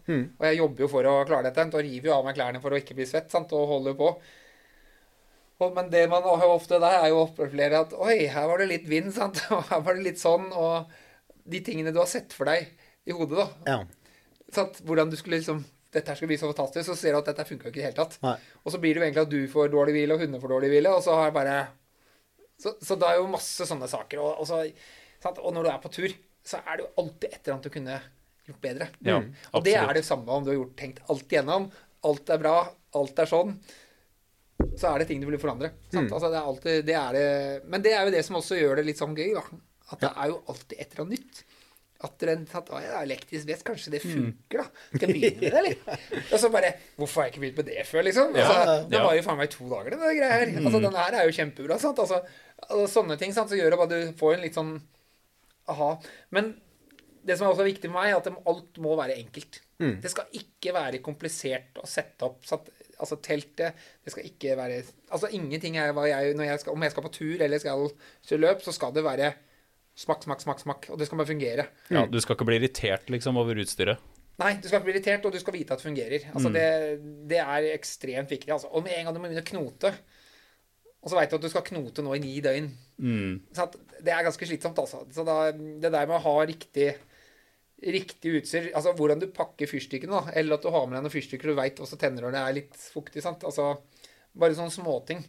Hvis du har tenkt deg et bål, at du har med deg litt stæsj i sleden, som gjør at du kan få fyra det bålet. da. Ikke at du skal stå liksom gnikke og gnakke og Ja. spikke en sånn der gran til du føler liksom du har lagd en kvisthaug for du så klarer å hele tatt få fyra opp. Altså alle sånne ting som du må tenke gjennom sant, for å få funksjonalitet og få det enkelt. Ja. Men eh, jeg lurer på Nå har vi snakka mye om hvordan du skal holde varmen og føtter og, og hender og alt mulig. Men eh, du må vel ha merka en stor utvikling på hundene òg? Altså, ikke at hundene er varmere, men utstyr til hundene. For det også er jo viktig oppi alt dette her at eh, når du syns det er kaldt, så må det da gå an å si at ei og anna bikkje kan jo også finne på å fryse i 35 minus. Og der Ja, har det jo vært eh, det- mye eh, utstyrsutvikling. Ja, det har det. Og der er det også, jeg si, at, at det har jo funksjonalitet som f.eks. dekken da, til hund. Som er jo den hovedsaken som Det er jo egentlig hovedgreia vi bruker på løp, da. Ja, det er den jakka, da, for de som ikke Ja, jakka, kjenner det. Den jakka som bikkjer Frakken til bikkja, da. Ja, som, eh, som de har på seg når de men løper. hvordan den er lagd nå sant? Før så måtte du ta av nakkelinnen og tre den over og sette på nakkelinnen, og så var det noen borrelåser hit og dit og sånt. Som var, sant? Det var så en jobb å få det på. Mm. Men sånn som nå, så er det jo en sånn at du åpner opp halsen Men sånn sånn lås, Mm. smukker den igjen. Det er som en sånn kappe, rett og slett, som du legger oppå bikkja, og så Ja, og så har du da Eh, liksom rundt, borrelås rundt halsen. Du har borrelås, kan tilpasse. Også en annen ting som er veldig viktig, da, det er jo at vind er jo egentlig den største faren både for mennesker og for Altså det er jo da du kan bli veldig, veldig kald, Mm. og, veldig, og hvis det er veldig kaldt og litt vind, eller, eller ekstremkulde, da, Mm. så er det jo det å beskytte faktisk særlig på hannhundene, de edlere delene, for å si det sånn. Ja, ja. Og der har jo Nonstop kommet med på en måte en spoiler, da. Ja, som, det du også, som du da setter på og tilpasser, sånn at liksom hvis de urinerer, da, så går det jo da sant? Det blir jo bare flusha vekk. Men det også stopper jo vinden. Og under hundene sant? virvler jo Det blir jo en sånn virvelvind under fra hele spannet. sant? Fra den første til den siste, og verre blir det bakover. Så det der å kunne passe på at ikke hundene får noe frostskader, er jo helt perfekt. Ja, for det, apropos det der 2012-løpet, der mener jeg at Du får arrestere meg om jeg sier feil, men der mener jeg at det blei på en måte obligatorisk sånn ballebeskytter for alle hannhundene. At det måtte på. Ja, og det Før så var det jo liksom bruke noen sånn eh, Sauepels Ja, sauepels Ja. og eh, revehaler og Ja, alt mulig rart. Men med de dekkene nå, da, som er veldig lette Altså, du tar jo 14 dekkene og stapper i en liten pose nå, liksom. Mm. Altså, de, er jo, de veier jo ingenting. Nei, og, og fòrmaterialet er jo det samme som blir brukt til mennesker. Det er jo mange av de som har primaloft. Det er jo snakk om dyr metevare, da. Ja, ja, altså det er veldig kvalitet. Og så er det så Og det er som jeg sier der, at du skal jo drasse med deg de i vekt, i vekt da, i sleden. Og sant, om du skal trekke en pulk eller du skal på en hundeløp, så skal du ha med dette her. Og det der å ha noe som er lett, og som er lett å tørke. Og det også er jo på en måte med de dekkene som de langdistansedekkene vi bruker, er jo veldig lette å få tørre igjen. Altså bare du henger de på sleden på dagen, sant? Når hvis du stopper og det ikke er så kaldt, så tørker de jo. Så det er jo det med den funksjonaliteten igjen. sant? Men så kommer du fram. eh, og da, som vi har sagt, da er ofte at du kan jo ta på deg kanskje en ekstra jakke osv. I hvert fall når du er ferdig med alt det stellet du skal gjøre. Legger du ut eh, halm som bikkjene ligger på, eller ligger de på liggeunderlag? Jeg vet Nei, blant annet jeg Nonstop bruker veldig lager jo mye- noe Ja, jeg egne bruker liggeunderlag. Ja. Som, eh, og du kan jo Altså, halm er, eh, halm er veldig fint, det, men altså, hvis du prøver å legge deg og sove på halm mm. Du skal ha ganske mye halm for å holde holde kulda unna, altså. Ja. Så, eh, så jeg må jo si at halm er egentlig litt oppskrytt. Men, men hundene er veldig glad i det, da. Men jeg tenker sånn, Dette er jo det folk liksom som hører på, da, som kanskje har sett litt på TV, sett noen bilder osv., så, videre, så er jo ofte det liksom bildet av en Sjekkpunkt. hundekjører da, som sjekkpunkt. Da er det jo liksom det er tolv sånne klaser med noe halm, og så ligger det liksom noen pelsdotter oppi der, og ja. Ja. Og så en eller annen eh, kar da, med rim i barten som løper rundt og fryser. Ja, ja, fått med skjegg, jeg, vet du. Nei, da, så ja, du nei, er bruker de vi- liggeunderlagene fra Nonstop? Ja, han bruker liggeunderlagene fra Nonstop. Ja. Som, så, så det som er liksom viktig med Altså det som er bra hvis du lærer hundene å ligge på, på liggeunderlag, da, er at vet, da veit jo at de ligger på noe som isolerer fra bakken. Mm. Med halmen så går den jo alle veier og sånne ting. Så, og når jeg stopper på løypa, sant, så er det jo veldig greit å ha med seg en liggeunderlag. da. Du har en liten bunke oppi sleden, og så ut med de, sant. Og så ja, på med dekkene, sant, og så er du ferdig. Ja. Da har du egentlig gitt hundene en veldig god hvil. Men hvis hundene har løpt med dekken eh, Veldig mange mennesker bruker jo bare sånn For å liksom sammenligne litt med mannen i gata òg, som er ute på tur med hunden sin her. De bruker jo ofte sånn jervehi eller eh, det derre Nonstop soveposen til hunden, Husker jeg Ly, er ikke den heter? ja. Ja. Eh, den er jo veldig populær. Bruker du har du noe ekstra da som du gjør for å varme opp hundene dine? Det hender jo at de løper med dette dekket nå, mener jeg. Ja, altså løp med dekken, det er jo litt sånn føre var. Sant? Det er jo vind. Sånn, du vil da stoppe vinden sant, som står på hundene, som gjør at de går ned i vekt. Ja. Det er en. Og så vil du beskytte fra Altså beskytte dem fra frostskader og sånne ting. Så det er jo grunnen til at du kjører med dekken. Altså stort sett så um, Du kjører egentlig ikke med dekken på hundene for at de skal bli varmere. Nei. For det, det du faktisk gjør da med å ha på dekken, det er jo at du, du presser hårene sammen. Som gjør at du tar vekk faktisk varmen litt i, i pelsen, da, hvis de har en god, en grei pels. da. Så, så kan si dekken er jo samme som egentlig punktesokker.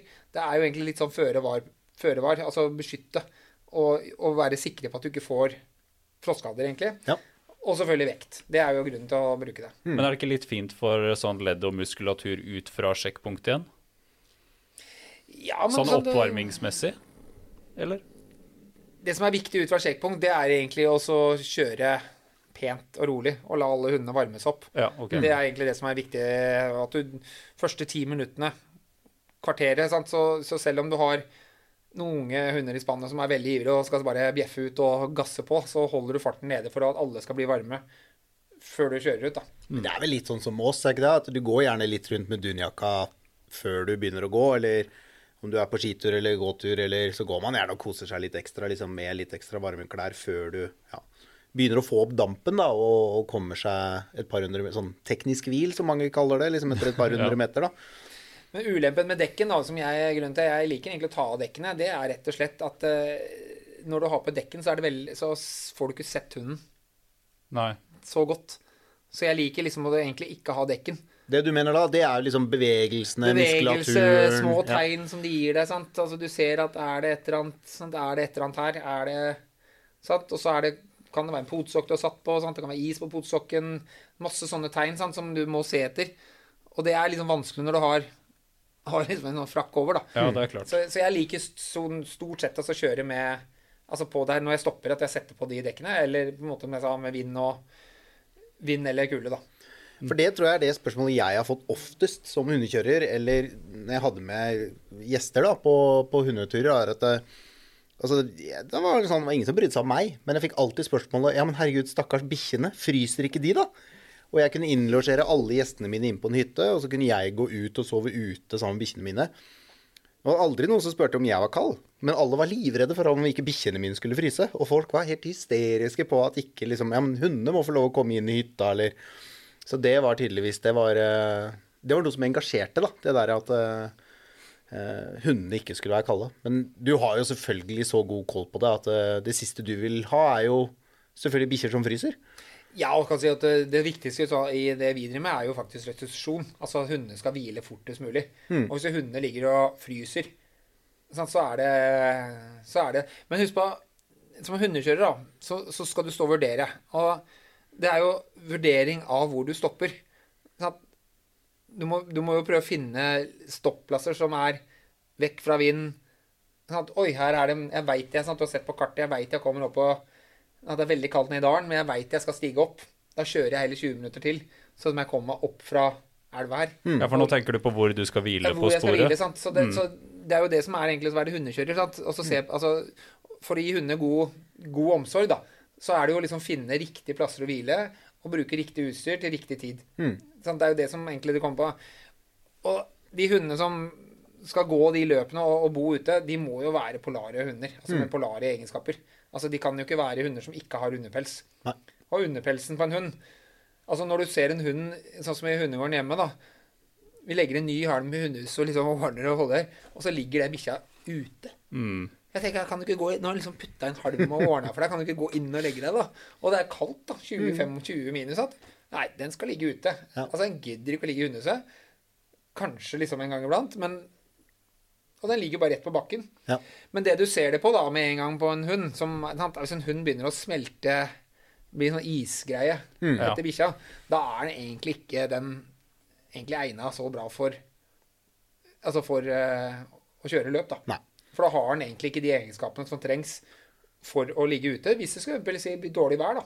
Eller bli værfast, eller sånne ting. Så det du tenker da er sånn, sånn ideelt sett, da, så skal du ikke se noe særlig til bikkja øh, altså i et sånn varmekamera, da, for eksempel. ja, du skal, måte- mye, du skal i hvert fall ikke se så mye, nei. Nei, ikke sant? Altså, den skal liksom være så isolert av sin egen pels, da, at uh, du Tilbake til det du sier med at hunden skal ikke smelte seg ned i snøen. Så den skal ikke gi ut noe særlig varme heller, for da slipper den jo heller ikke kulda inn. Nei, da mener jeg du har en ideell langdistansehund, da. Altså en utehund. Og det er jo når du på en måte du har den hunden. Du kan stoppe med Du kan stoppe hvor som helst. Om det er vær eller vind, eller om det er du som får stoppe, eller det er været som gjør at du stopper, så veit du at OK, jeg har med et uh, liggeunderlag, jeg har med Får du stoppa liksom vinden. Vi kan stoppe her. Spiller ingen rolle. Mens liksom, hvis du må på sjekkpunktet, da For der får du tak i teppene dine og ditt og datt og alt mulig rart, sant? så har du jo lagd deg egentlig at du må kjøre til sjekkpunkt til sjekkpunkt. Mm. Sant? Og jeg vil jo gjerne være fristilt til å kunne stoppe hvor jeg vil. For det er ofte med ro på sporet, eller når du hviler på sporet. Ja, det er veldig effektiv hvile, mener jeg, da, men du må jo Jeg bare tenkte på det rundt. Altså, du har ikke det derre maset hele døgnet rundt. Nei, du har ikke det. Og hvis du ligger i front, sant, så er det jo mange andre Alle, alle skal jo ha en liten bit av deg på en eller annen måte. Sant? Og, og det, hundene, og det kommer spann inn og spann ut og sånne ting. Så, så jeg syns det er veldig effektiv hvile på sporet. Men ulempen er jo at du får litt lite hvile sjøl. Ja. Lite infrastruktur. eh, Ja, lite, sant. Og, og, og du vet jo det at hvis du For eksempel på Finnmarksløpet, da, så du kan Altså, det er jo her som er forskjellen på for eksempel Iditarod og Finnmarksløpet. Altså, i Iditarod så er det klar deg sjøl. Lykke til. Der er, sant? Og noen steder kan gå inn og ligge i en gymsal. Noen steder er det to telt. Og de teltene er fulle, så du må legge deg ute likevel. Sant? Altså, du, du må kunne tilpasse. Mens på i Finnmarksløpet så kan du jo gå inn i den bobilen eller eh, få middagen din og noen sant? Altså, Du blir jo sånn, sånn stor baby. Sant? Du bare, ja, Ta av meg sokkene, jeg er stiv og krampe og sant? Altså, og, og det, liksom, du slipper garden litt, da. Mens når du ligger på sporet, sant, så må du ta vare på deg sjøl. Men det gjør også at du kanskje får mindre søvn. Altså ikke så dyp søvn, da. Som gjør at du er mer, trøtt. da. Men hvilke av de to versjonene liker du best, da? Bobil eller klar deg sjøl? Nei, jeg liker klar meg sjøl. Altså. Jeg syns det er så herlig når jeg er ditt rått. Altså, du, du har de tre sekkene hver sjekkpunkt, og så er det det.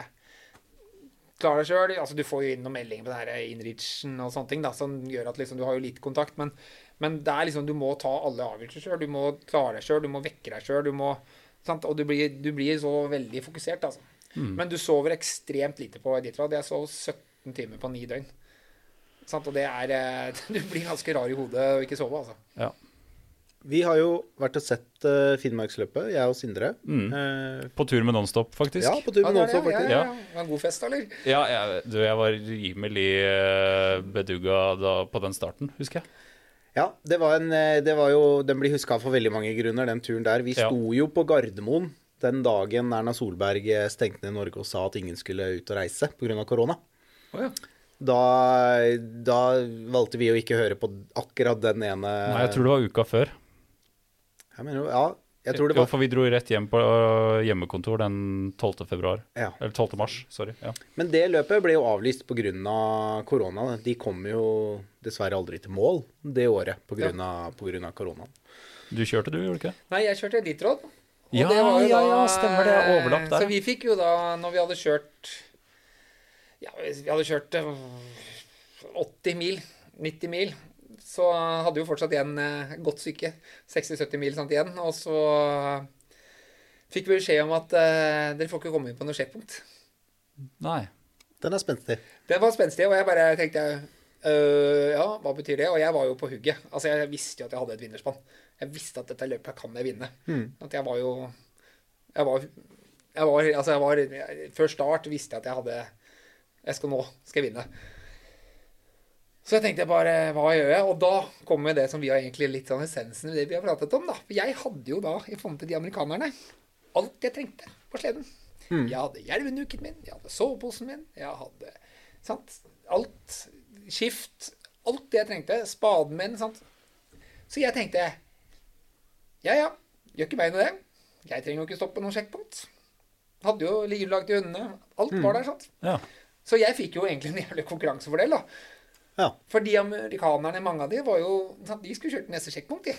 Ikke Brent, da. Han liker jo å ligge utafor. Ja, men, altså, men, men altså, de fleste, de er jo sant, Og det er litt sånn i Norge òg. De liksom Det er jo nestemann til neste sjekkpunkt, nestemann til neste Altså, det blir liksom en sånn der, slags etappeløp, da. Så, så det var Men det var jo spesielt, for det var eneste idrettsarrangementet i verden som Ja. pågikk. ja. Så det er egentlig litt rart at det ikke har vært noe mer snakk om det. Men altså, det var eneste som bare Alt var stengt ned i hele USA. Og vi var de eneste som kjørte, da. Så vi fikk jo vanvittig med oppmerksomhet da, sånn fra i medier i USA og alt mulig rart etter løpet. For det var også litt snakkis da vi var der oppe, at eh, det her er jo den mest koronavennlige idretten, idretten som fins.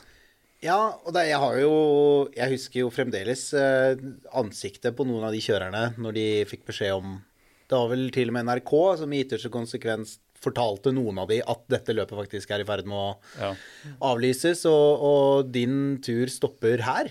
Og det er, det er noe av det tristeste jeg også så gjennom hele korona. Det var de eh, hundekjørerne der da, som ikke på en måte kunne formidle til hundene sine at eh, nå skal jeg fortelle dere hva korona er, og hvorfor vi er nødt til å stoppe ute på elva her. Det, det var ikke alle hunder som eh, tror jeg forsto det like godt, da. Og det var nok Nei, tøft husk for hundekjørerne. mange som kjører de løpene. Sant? De har jo drømt om å få lov til å kjøre lange Finnmarksløpet. Sant? Få lov til å være sant? Og det er kanskje noe For mange er det bare en engangsgreie. Eller kanskje det er mer. Men ikke bare det, da. Men de har jo da drømt om dette her siden sesongen før, eller sesongen før der igjen. Nå er liksom de hundene som er tre år, og nå skal jeg kjøre, og nå gleder jeg meg til å løpe. Lagt inn en vanvittig innsats sant? hele året. Hver dag i hundegården. Hver dag med trening, fòring, penger og Som jeg sier, det er jo, altså hundekjøring er en fantastisk idrett, men det er jo komplekst. Altså Det er jo komplekst på at det er en veldig tidskrevende, dyr idrett sant? Som, som krever veldig mye ressurser. Og så har du ikke tid til egentlig å jobbe, sant? for du skal jo være ute med hundene dine. Så du har jo den der, sant? det er veldig, mye, veldig mange hundekjørere som ofrer Altså mye for å få lov til å kjøre løpene. Mm. Og når du da får den i fleisen, sant, som eh, Så er jo det Sånn som Hanna Lyrek, en venninne av meg, hun, sant, hun har jo drømt jo om det løpet her. Sant, og kjørte og fikk jo den og lå an, og spannet var på vei oppover på slutten av løpet. Sant, og, og kunne jo virkelig fått en god plassering. Og så får du den der. Sant, og du Ja, nei, jeg, det skjønner jeg er hardt. Og husk på, tenk deg mange timer. Da. Ja, man får vondt av både henne og hundene, og det er, eh, det er tøft. Jeg kjenner det igjen sjøl. Vi, vi norske redningshunder vi legger jo ned vanvittig mange timer sant, i trening i disse hundene, og så er det veldig mye som skal kulminere ned i et par eksamensoppgaver. da, Mm. Som på en måte alt må klaffe de dagene. da. Så jeg kan se for meg at det er en vanvittig påkjenning når, når løpet da ble avbrutt. Apropos avbrutte løp, kjøp, eh, kjørte du Femund det året det var stormen Urd eller noe sånt? Og det blei Ja. Da kjørte jeg. Da ble det jo Det ble stoppa etter hvert, da. da. ja. Så eh, jeg og um, Sigrid Ekeland vi kjørte jo over, eh, over det fjellet. Som, over til Tynset. Mm. Og eh, kom opp på fjellet, var ikke noe snø. Ingenting. Nei. Liksom Alt var borte. tenkte Jeg så her gikk det lett over. Og så kom på andre sida, der lå all snøen, da. Så da var det Jeg tror det var snø opp til hit. ja. Så vi fikk jo eh, Det er godt opp på brystet, ja. Ja, det altså, ploga oss vei ned, ned til, til Tynset da, og stoppa jo Venta hva skulle skje da, i Tynset sentrum. Men da var det, det var kraftig vær, ja. For da var jeg også funksjonær, og jeg tror faktisk jeg var noe så fancy som målgangsansvarlig eh, på Røros. da. Ganske enkel jobb, da, siden løpet ble avbrutt. Men jeg husker den kaotiske, litt desperate stemninga som var inne på idrettshotellet der. eh, hvor det var liksom eh, arrangementskomiteen og For man hadde jo ikke Det var jo det juniorene da, vet du, som Ja, eh, ja, det var det. var- Ja, Det var jo det. sendt ut juniorer opp på fjellet som ble, lå i, i hit og pine oppå der. Ja. Hvor med foreldrene satt igjen Og jeg husker at politiet reiste ikke ut. Røde Kors ville ikke reise ut. Men han godeste Swift, Ja. han sæla jo på et hundespann, tror jeg, og kjørte ut og fant de aller fleste juniorene i god behold. ikke sant? Alle var jo superflinke og hadde pakka seg inn i jervenduket og, og hadde, hadde det kjempebra. Men jeg hadde én opplevelse ja, med sånn der. Og da hender det at jeg liksom eh, ja, det er, sant, det er noen ganger så det sånn du står jo på trening, og så bare vipper du opp telefonen og så bare ser liksom kjapt om du har fått noen meldinger eller et eller annet. Og så var jeg innom uh, VG, og så bare 'Leteaksjon på Spotin'. Oi. Og så tenkte jeg bare 'Storm, ikke beveg deg opp i fjellet'. Og så tenkte jeg Der er toppen! da, da, da sto jeg på en vanlig treningstur. Og da var det noen skiløpere da, som hadde gått seg bort. og sant, Det var jo vinden, da. Det var jo, blåste jo 18 meter. Var Ganske sånn kraftig innkast og sånn. Men da tenkte jeg ja, ja, det var kanskje ikke så fjellvante som det vi hundekjørere er vant til, da. Og storm er jo, er jo ofte hvordan du føler stormen. Altså, Ja, eller hvordan VG jo- skriver at det er. ja, og, men storm er jo også liksom hvordan du takler det. sant? Altså, Har du det du trenger, så kan du bare stoppe. Mm. Hvis ikke du har det du trenger, så har du et stort problem. sant? Og det er jo det er jo hvordan du føler det. sant? Og ofte med sånne ting er jo lett sånn at det kommer jo inn eh? Altså, Folk får jo angst sant? Og, Ja. og blir redde og, og kommer inn. Men hvis du da har vært ute en vinterdag før, har med de greiene du trenger, sant? så er jo ikke egentlig storm noe problem før du blir liggende så lenge at du går tom for mat. da. Og hadde jeg hadde inntrykk av at mange av disse juniorene hadde jo De hadde jo nærmest blitt oppvokst i en slede. De visste jo akkurat hva de skulle gjøre, og det var null problem. Jeg tror det var mer foreldrene der som, uh, som Yes. sleit litt. Altså, så. Og det er jo det som er, hvis du nevner han eh, Petter, da, så, så er det jo Han var jo den som startet den juniorklassen. Som er blitt Ja. en kjempesuksess i Norge. Så, og det er jo blitt Altså den juniorklassen som man tenkte jøss, hvordan skal alle de få kjørt? Men der er det jo kenner som stiller opp med hunder, sant. Og, det, og de får jo liksom prøvd underkjøring i en veldig, veldig ung alder. da. Og får smakebit på på dette da, og kjører løp. Så den, eh, det har vært en, faktisk en kjempesuksess. Hun nevnte Lyrek, har vel på en måte gått litt den skolen der, har hun ikke det?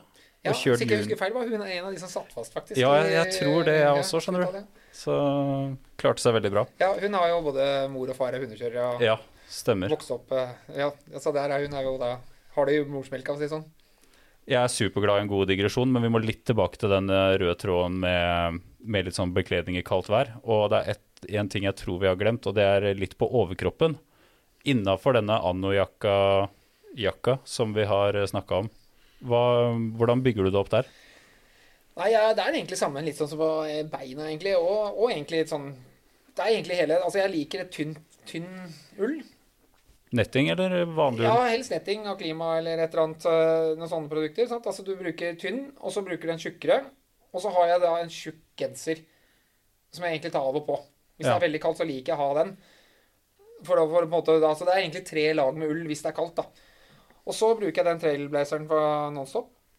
Den, øh, den øh, vanlige Ja, den Primaloft-jakka? Primaloft-jakka. Ja, Ja, mm. Så bruker jeg den. Og så har jeg da satt på selvfølgelig en, eh, en litt bedre, litt ordentlig pels på den, da. Som gjør at jeg kan ta over, og så få, hvis det blir storm, så har jeg liksom, får jeg den ordentlig tuten med får skyte ansiktet. Og så bruker jeg da den nanojakka over der. Tenker du noe over de to, eller mm, ulltrøyene innerst?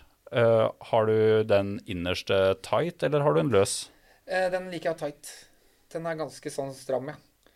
Og den har jeg merka med å dele opp i de lagene, da. Så merker jeg at den er jo den som blir fuktig.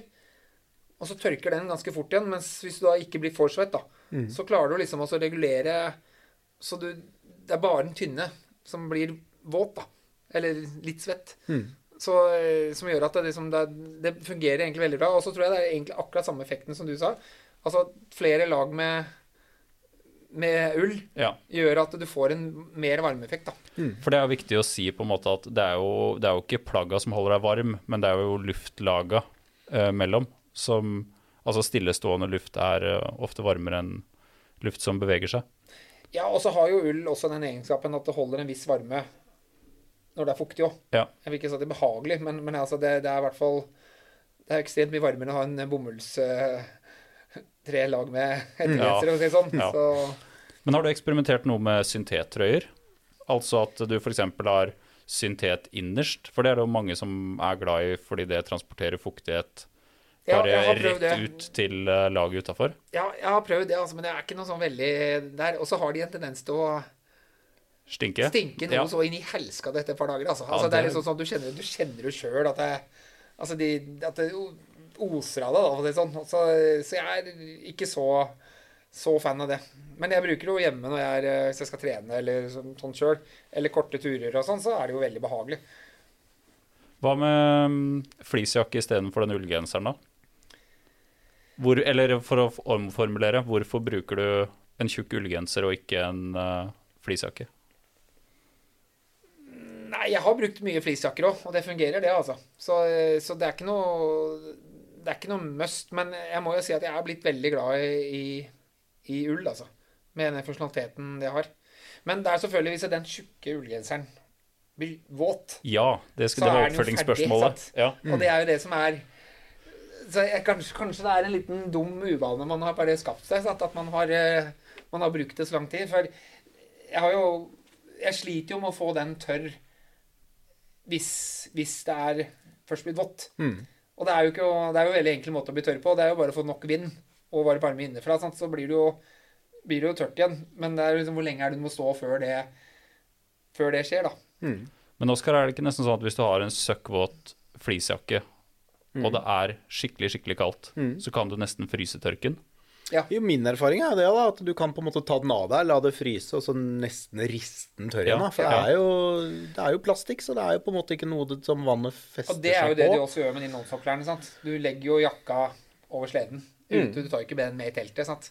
Og så er det jo bare å gå og dunke av når du, når du eh, skal ut igjen. Ja, for det er kanskje viktig å si med den Anno-jakka, det er ikke dun. Det er Primaloft. Det er primaloft, ja. Ja. Mm. Så ofte så tar jeg ikke med det inn. Nei. Så, sant? Eller inn i soveposen eller noe. For jeg vet at sant? hvis det da hvis det er snø eller islag, eller sånt, så, så eneste du gjør, det er å få det fuktig. Så da er det jo bedre å bare henge det over en gren eller over sleden, eller sånt, og så bare dunker det. Og det er jo fordelen med flis. da.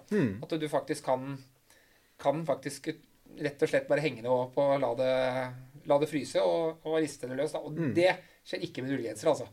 For den, den, da, den får du ikke på deg igjen. for å si det sånn. Nei. Nei, den blir bare stiv. Den blir bare stiv. Og, og, og, så det er kanskje en ting som man burde kanskje gå vekk fra, da. Og heller bruke da det tredje laget med noe annet. da. Oskar. Jeg lurer på du, For jeg opplever det litt sånn som du sier, en gammel vane. Men eh, det med den ullgenser, det er jo litt sånn luksus òg. At du tenker den har du alltid hatt med deg, og den er litt god å ha. Og det sitter kanskje litt langt inne å bytte den ut. Men, men hva må, Det må da være noen ting du har med deg kun for luksus? Som du tenker sånn dette er jo ikke det mest logiske at jeg skal ha med dette her, men Ja, Mange polfarere, er- mange som reiser. Da, hvis du tar det forfengeligheten her. Liksom, Ja, men jeg vet sånn Ja. eh, Så har man jo skaffa seg sånn samebelte, sant. Eh, Ja, du har det, ja. Ja, Ja, ja, ja. Med, med sånn brusletteogkniv, sant. Så satt litt sånn grå og bra kniv, så føler du liksom imagen er Cowboybeltet og. Cowboybeltet er liksom på plass, da. Ja, Og så har nå du den der ullgenseren, og det Ja, jeg ser jo veldig mange hundekjørere bruker jo sånne tykke ullgensere. Ja. Og, eller av de nye med de hundepotemønstrene og sånn. Så Mm. Jeg er jo Jeg driver med hummerfiske hver høst, og da også er det liksom Altså, det er jo flaut å si det, men jeg bruker jo ullgenser, da. For det, det skal liksom ha. Så jeg har eh, til og med, hvis det har regna, så har jeg hatt eh, Jeg har til og med hatt eh, ullgenser på utsida av regnjakka jeg noen ganger. Og det er jo ene og alene pga. utseendet, altså. For det Mens du røyker pipe, da, eller? Ja, nesten. Du Ja. skulle ønske det, i hvert fall. Ja, image is everything. Ja, det er det, altså. Det er noe med den Litt hummeren. Den sånn, eh, smaker litt ekstra da, når du veit at du sto og Det er noe med den lukta av saltvann og ull da, som gjør at den hummeren blir litt ekstra god, hvis man får det sånn. Men jeg og Robert Sørli var jo sponset av Fjellreven Mm. når vi hadde Team Elkonor. Og da fikk vi en sånn, eh, en sånn lue av han eh, av den, da. Mm. Sånn, med en sånn liten sånn brem. Den var egentlig Ja. ganske god. Ja. Sånn der, jeg husker- ikke hva den heter, men den liksom den. Og, den, og så gikk det jo da Neste sesong hadde alle sånn. Ja, selvfølgelig. Så jeg tenkte bare jøsse navn. Her Ja, er så det fungerte, fungerte, da. Sånn, ja, den liksom ble litt sånn image-greie, da. Altså den Så var det plutselig så Var det det som var inn, da. Ja. Men har du med deg noen ting som er helt unødvendig? Altså er det noe sånn um, Det er en annen jeg snakket med, han hadde med seg en liten eh, bit med bjørk. Rett og slett for å på en måte bare kunne ta på når han hadde hjemmelengsel, for å kunne lukte på Nei, Er det- er- det er ikke noen sånne ting? Nei, det eneste jeg har med meg, som jeg vil si er eh, Som jeg har hatt med meg, er å ha med seg et sånn stearinlys eller sånn der gravlykt. Ja. Den har jeg aldri brukt. Nei, ok. altså, jeg tenkte hvorfor skal jeg ha med den? Men Er det for å varme opp det er jo bare så fantastisk hvis du er kald, Ja. og så kunne bare få litt varme. Sant? Mm. Men jeg har aldri tatt meg tid til å bruke det. da. Nei. Så det er kanskje en ting jeg kan hive ut. Men det er vel eneste tingen jeg har med Nei, jeg er ganske pirkete på at jeg vil ikke ha med unødvendige ting, altså. Nei. Altså heller ta ut av det. Men kaffe, for eksempel, har du med det? Nei, jeg drikker nesten aldri kaffe på løp. Nei. Og det er rett og slett uh, kaffe, det ville jo vært en- sukker, kanskje en, eh, eh, sånne ting. Det gjør at du går for mye opp og ned, Ja. og så blir du trøtt etterpå. Mm. Så, så jeg drikker stort sett rent vann. Det er uh, Ja. Gjerne Farris eller liksom noe som gjør at det er lettere å drikke, da. Mm. Så Og prøver å holde det egentlig til litt sånn kraftig kosthold. Altså Mm. med litt fett i og sånne ting, da. Men så når du ligger på sporet, så er det jo veldig lettvint med noe frysestyrka, da. Ja. Altså det er jo har Type real og sånne type Ja. ting som folk Som, eh, sånn ja. du bare har med deg, sant? og så har du heller varmtvann oppi, og så, Mm. eller fyrer opp. Fyrer opp, og så har du på en måte varmtvann kjapt. Mm. Det fins jo så mye fine ting nå sant, som tar også tent av fyr når det er kaldt. da. ja, ja, ja. Som gjør at du kan varme opp vann veldig hurtig. da. ja, hva er det du har med deg der? Eller bruker du fòrkokeren, eller? Nei, når jeg er i Alaska, så bruker jeg fòrkokeren. Ja. Da bruker jeg den, også, Men der har jeg vakuumpakka ting på forhånd. Så bare kaster jeg de oppi, da. Og Ja. Med så varme vannet til hundene. Gjør alle det? De fleste gjør det, ja. Ja. Da skal jeg bare skyte inn sånn at folk skjønner dette. For det, det blir på en måte som at um, du smelter jo snø fordi hundene skal ha vann. ja eller varme vann, da. Ja, du varmer vann til, til uh, bikkjene. Ja. Og da blir det som å hive Fjordland, da. Du har liksom vakuumpakka mat på forhånd, Ja. som en sånn Fjordland-pose som du da legger oppi, sånn at mens vannet varmes, så får du da også varm Ja, mat, Ja, så får du jo varmere opp den, og så er det bare Ja. Det er jo ikke noe se sånn På Eliteråd så er det jo ikke Det er ikke noe nyting av måltidet. Det er mer Nei. en sånn Mm. eh, Plikt? Du bare stapper i deg, liksom. Ja. Altså det, det er bare å få det ned. For det er rødsprit man bruker i fòrkokeren, er det ikke det? Ja, i Norge er det rødsprit. I, eh, I Alaska så er det kondensfjerner. Å ja. Så Ja. Ja. Nei, men jeg tror vi egentlig Hva tenker du, Oskar? Jeg føler at vi Nei, jeg begynner å Ja, Ja. er, men eh, jeg har litt lyst til å høre om eh, utstyr òg, jeg. Altså sledeutstyr og hundeutstyr og alt det andre utstyret. Ja. Ting er alt det han eh, har på seg for å holde seg varm, og vi har snakket mye om at jakker har blitt litt mer praktiske. Men vi har snakket om eh, Thomas 20 år siden igjen, da. Hadde du slått Thomas 20 år siden i et hundeløp i dag? Ja, det hadde jeg òg. Men, men det var hundekjøring, da, hvis man tar eh, liksom, essensen som gjør at det er veldig mange eldre også folk da, Ja. som er veldig gode, det er jo erfaring. Ja. Sant? Så, så erfaringen Dette her er jo en erfaringssport Ja. som gjør at, at du er kanskje bedre mellom 35 til 50 enn du er når du er 25. ja. Men utstyret må jo også ha endra seg betraktelig over disse 20 årene. Ja, og det er særlig slede, sledetypen. Ja. Og så er det jo passformen til seler. På hundene, ja. Ja, på hundene. Ja. Riktig. Så at du har sånn som nå Nå har jo f.eks. Nonstop lagd eh, seler med halsstørrelser på halsen, sant? Ja. Som gjør at det er veldig lett å tilpasse. Mm. Altså Si at du har en hund som er litt ekstra vekt i starten av løpet, så kan du liksom senke selen, Mm. gi den en litt større sele, sant? eller mindre sele, med å tilpasse det her, da. Og Mm. det er jo Selen på en hund er jo akkurat som en ryggsekk. Ja. Sant? Den skal sitte. Altså, det er ingen som orker å gå med en sekk som gnikker og gnikker og gnikker. Sant? Altså, du, må, det skal, jo- du strammer jo til sant? for å få det til å sitte rundt. Mm. Og det skal jo være på hundene òg. Det skal jo være stramt rundt halsen sant? for at den selen skal holde seg der. Ja, det blir som å løpe med for store sko. Ja, egentlig Det blir blir sant? jo Og da bare får du jo gnagsår veldig fort og- Gnag, sant? Altså, hundene har jo også en ulempe at de har jo det brystspennet. Sant? og Noen har jo spissere enn andre. Og hvis du ikke har en sele som sitter godt sant? hele veien, så vil jo den bryststolpen på selen sant? gå over til en av sidene. Eller opp i Eller opp her, ja. Mm. Og da, det er jo, da er det jo egentlig designfeil, da. For da det skal jo være designa sånn at den drar riktig. Mm. Men, eh, men det er veldig fort at du får den på en av sidene, og da får du jo gnagsår på hundene. sant? Mm. Så, Under armene og så videre. ja, så, det, så det med passform og den på seler, på en måte, at du, de selene er blitt mer enda mer tilpassa. Mm. Så du kan endre størrelser hele tiden og ha forskjellige størrelser opp og ned og sånne ting. Det har jo vært en veldig, veldig viktig sak. Og så snakker du mye om vekt, da. Vi har jo et eksempel som jeg og Sindre ofte Ja. snakker om fremdeles. Det var jo det året vi var oppe i Alta, og så starten på Finnmarksløpet. Ja. Så øh, jeg er jo hockeyspiller, så jeg kjente jo lett igjen øh, han ene fra Hamar, som da hadde en øh, slede laga, med, laga av gamle hockeykøller. Ja, ja. Det er veldig Eh, populært i USA. Ja, det, Ja, det det har jeg jeg jo fått med meg. Eh, så det vet jeg jo at eh, de, de driver mye med der, da. Altså avkappa og knekte karbonkøller. Det, det lager de mye Ja, det er populært å lage sleder av. Og jeg har jo sjæl stått og dytta sånne gamle tresleder og alt mulig opp bakker i løssnø og alt og Og innakka. nakka. Ja, det? Ja, ja, ja, ja, ja, den er Den er, er også sleden din, da? Nå kontra 20 år sia? Det må vel være noen forandringer der òg? Ja, altså, vekten har jo helt klart gått ned, men det viktigste der er egentlig kjøreegenskapene. Ja. Så eh, han, eh, han som lager de eh, sledene jeg bruker, Snorre Næss, eh, Skunk, han, han har jo det jeg kaller Han har jo hjerne, sant? altså veldig mye Veldig intelligent, og klarer å få, få det satt ut, da. Mm. Så når han lager en sleda, så tenker han mekanikk. Det er ikke bare at du skal ha en bøyle, og så skal det sånn, og så skal det en hund. Nei. Så her er det liksom at sle, altså, vinkler seg når du drar over sleden. Sant? Mm, bevegelige deler og ja. du- og at du da kan ha De fleste sleder var ganske greie å kjøre, sant? så lenge du ikke putta noe lass oppi. Nei. Så putter du lasset av det, så var det jo som en sånn eh, kjøre en 2-4. sant? Mm. Og det, det der å Når du skal tenke at du skal stå så mange døgn, og så har du en slede som bare følger Og jeg har jo med meg altså nybegynnere og, og sånne ting sant? som kommer og ikke har kjørt, og de kjenner jo at de får kontroll på sleden veldig fort. Mm. Så det, det er jo en av de viktigste tingene som har egentlig skjedd. Altså det er jo Og så er det selvfølgelig Altså når aluminiumsskiene kom Mm. i forhold til treskiene, at det var jo en revolusjon. Det er jo ganske mange år siden nå, men Ja. det var jo en sånn en helt ny verden. Ja. At du, hvordan du kunne bygge sleder, og, og vekten som gikk ned, da. Hadde du greid den svingen uh, i Røros sentrum uh, for 20 år siden?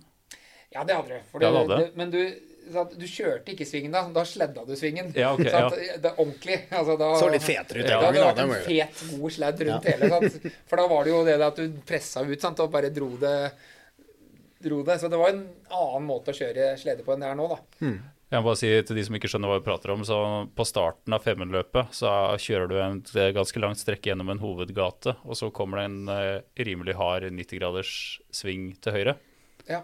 Da har ikke du sett alle de her svingene 90 grader vi har ute i løypa? Altså. Nei, det har jeg Det er ikke. mye verre. Nei, men jeg hadde i oppgave et år å stå etter den svingen Ja. og, og hive meg på sleder som var uten hundekjører på. Ja. Og det var ganske artig. Og det var overraskende mange. Jeg har jo han eh, handleren min, eh, Sivert, han var jo Han er jo da han har, han har andreplass i VM i taekwondo, så han er ganske sprek. Eh, Han driver ikke nå, da, men han, han er jo liksom kroppskontroll. da. Sa at det er én ting skal aldri skje. Jeg skal aldri tryne den jævla svingen der. Det var liksom det viktigste. Hvis du ser da filmen fra i fjor, så gikk han på trynet så det gjorde oh, ja, han gjorde det. Så Ja. det, det er liksom Nei, Jeg vet ikke hva det er med svingen. Det er veldig mange som tryner her. Til og med Robert Sørli har jo hengt etter spannet Ja, der. sant? det Og det er, jo, det er jo Men det er mye folk, og så er den litt sånn feiljustert. Ja. Og så blir du dratt litt opp i den haugen og sånn, så den er eh, den er litt sånn, Og så er det mye, veldig mange folk som står og ser på at du skal tryne, da. ja, det er nesten flere folk der enn Ja, altså, så nede ved Alle vil jo se at det skjer det noe action sant, i den svingen. Og det, det, jeg tror det blir litt sånn prestasjonsangst. Altså. Mm. Så jeg har ikke tryna der ennå, da. Så Nei, det er bra. jeg hadde tenkt å unngå det. Jo, jeg har et siste spørsmål. Um, du nevnte, eller vi nevnte jo Petter Northug uh, i stad. Og jeg husker veldig godt et klipp med han da, hvor han forteller om hvordan han forbereder seg før løp. Og inni skiskoa hans så er det en sånn bitte liten hvit lapp som henger på sant, hvor størrelsen står. Den klipper han bort, sånn at han veit at når han står på startstreken, så har han gjort i hvert fall alt som er i hans makt, uh, før han eh, skal ut og gå renn, da.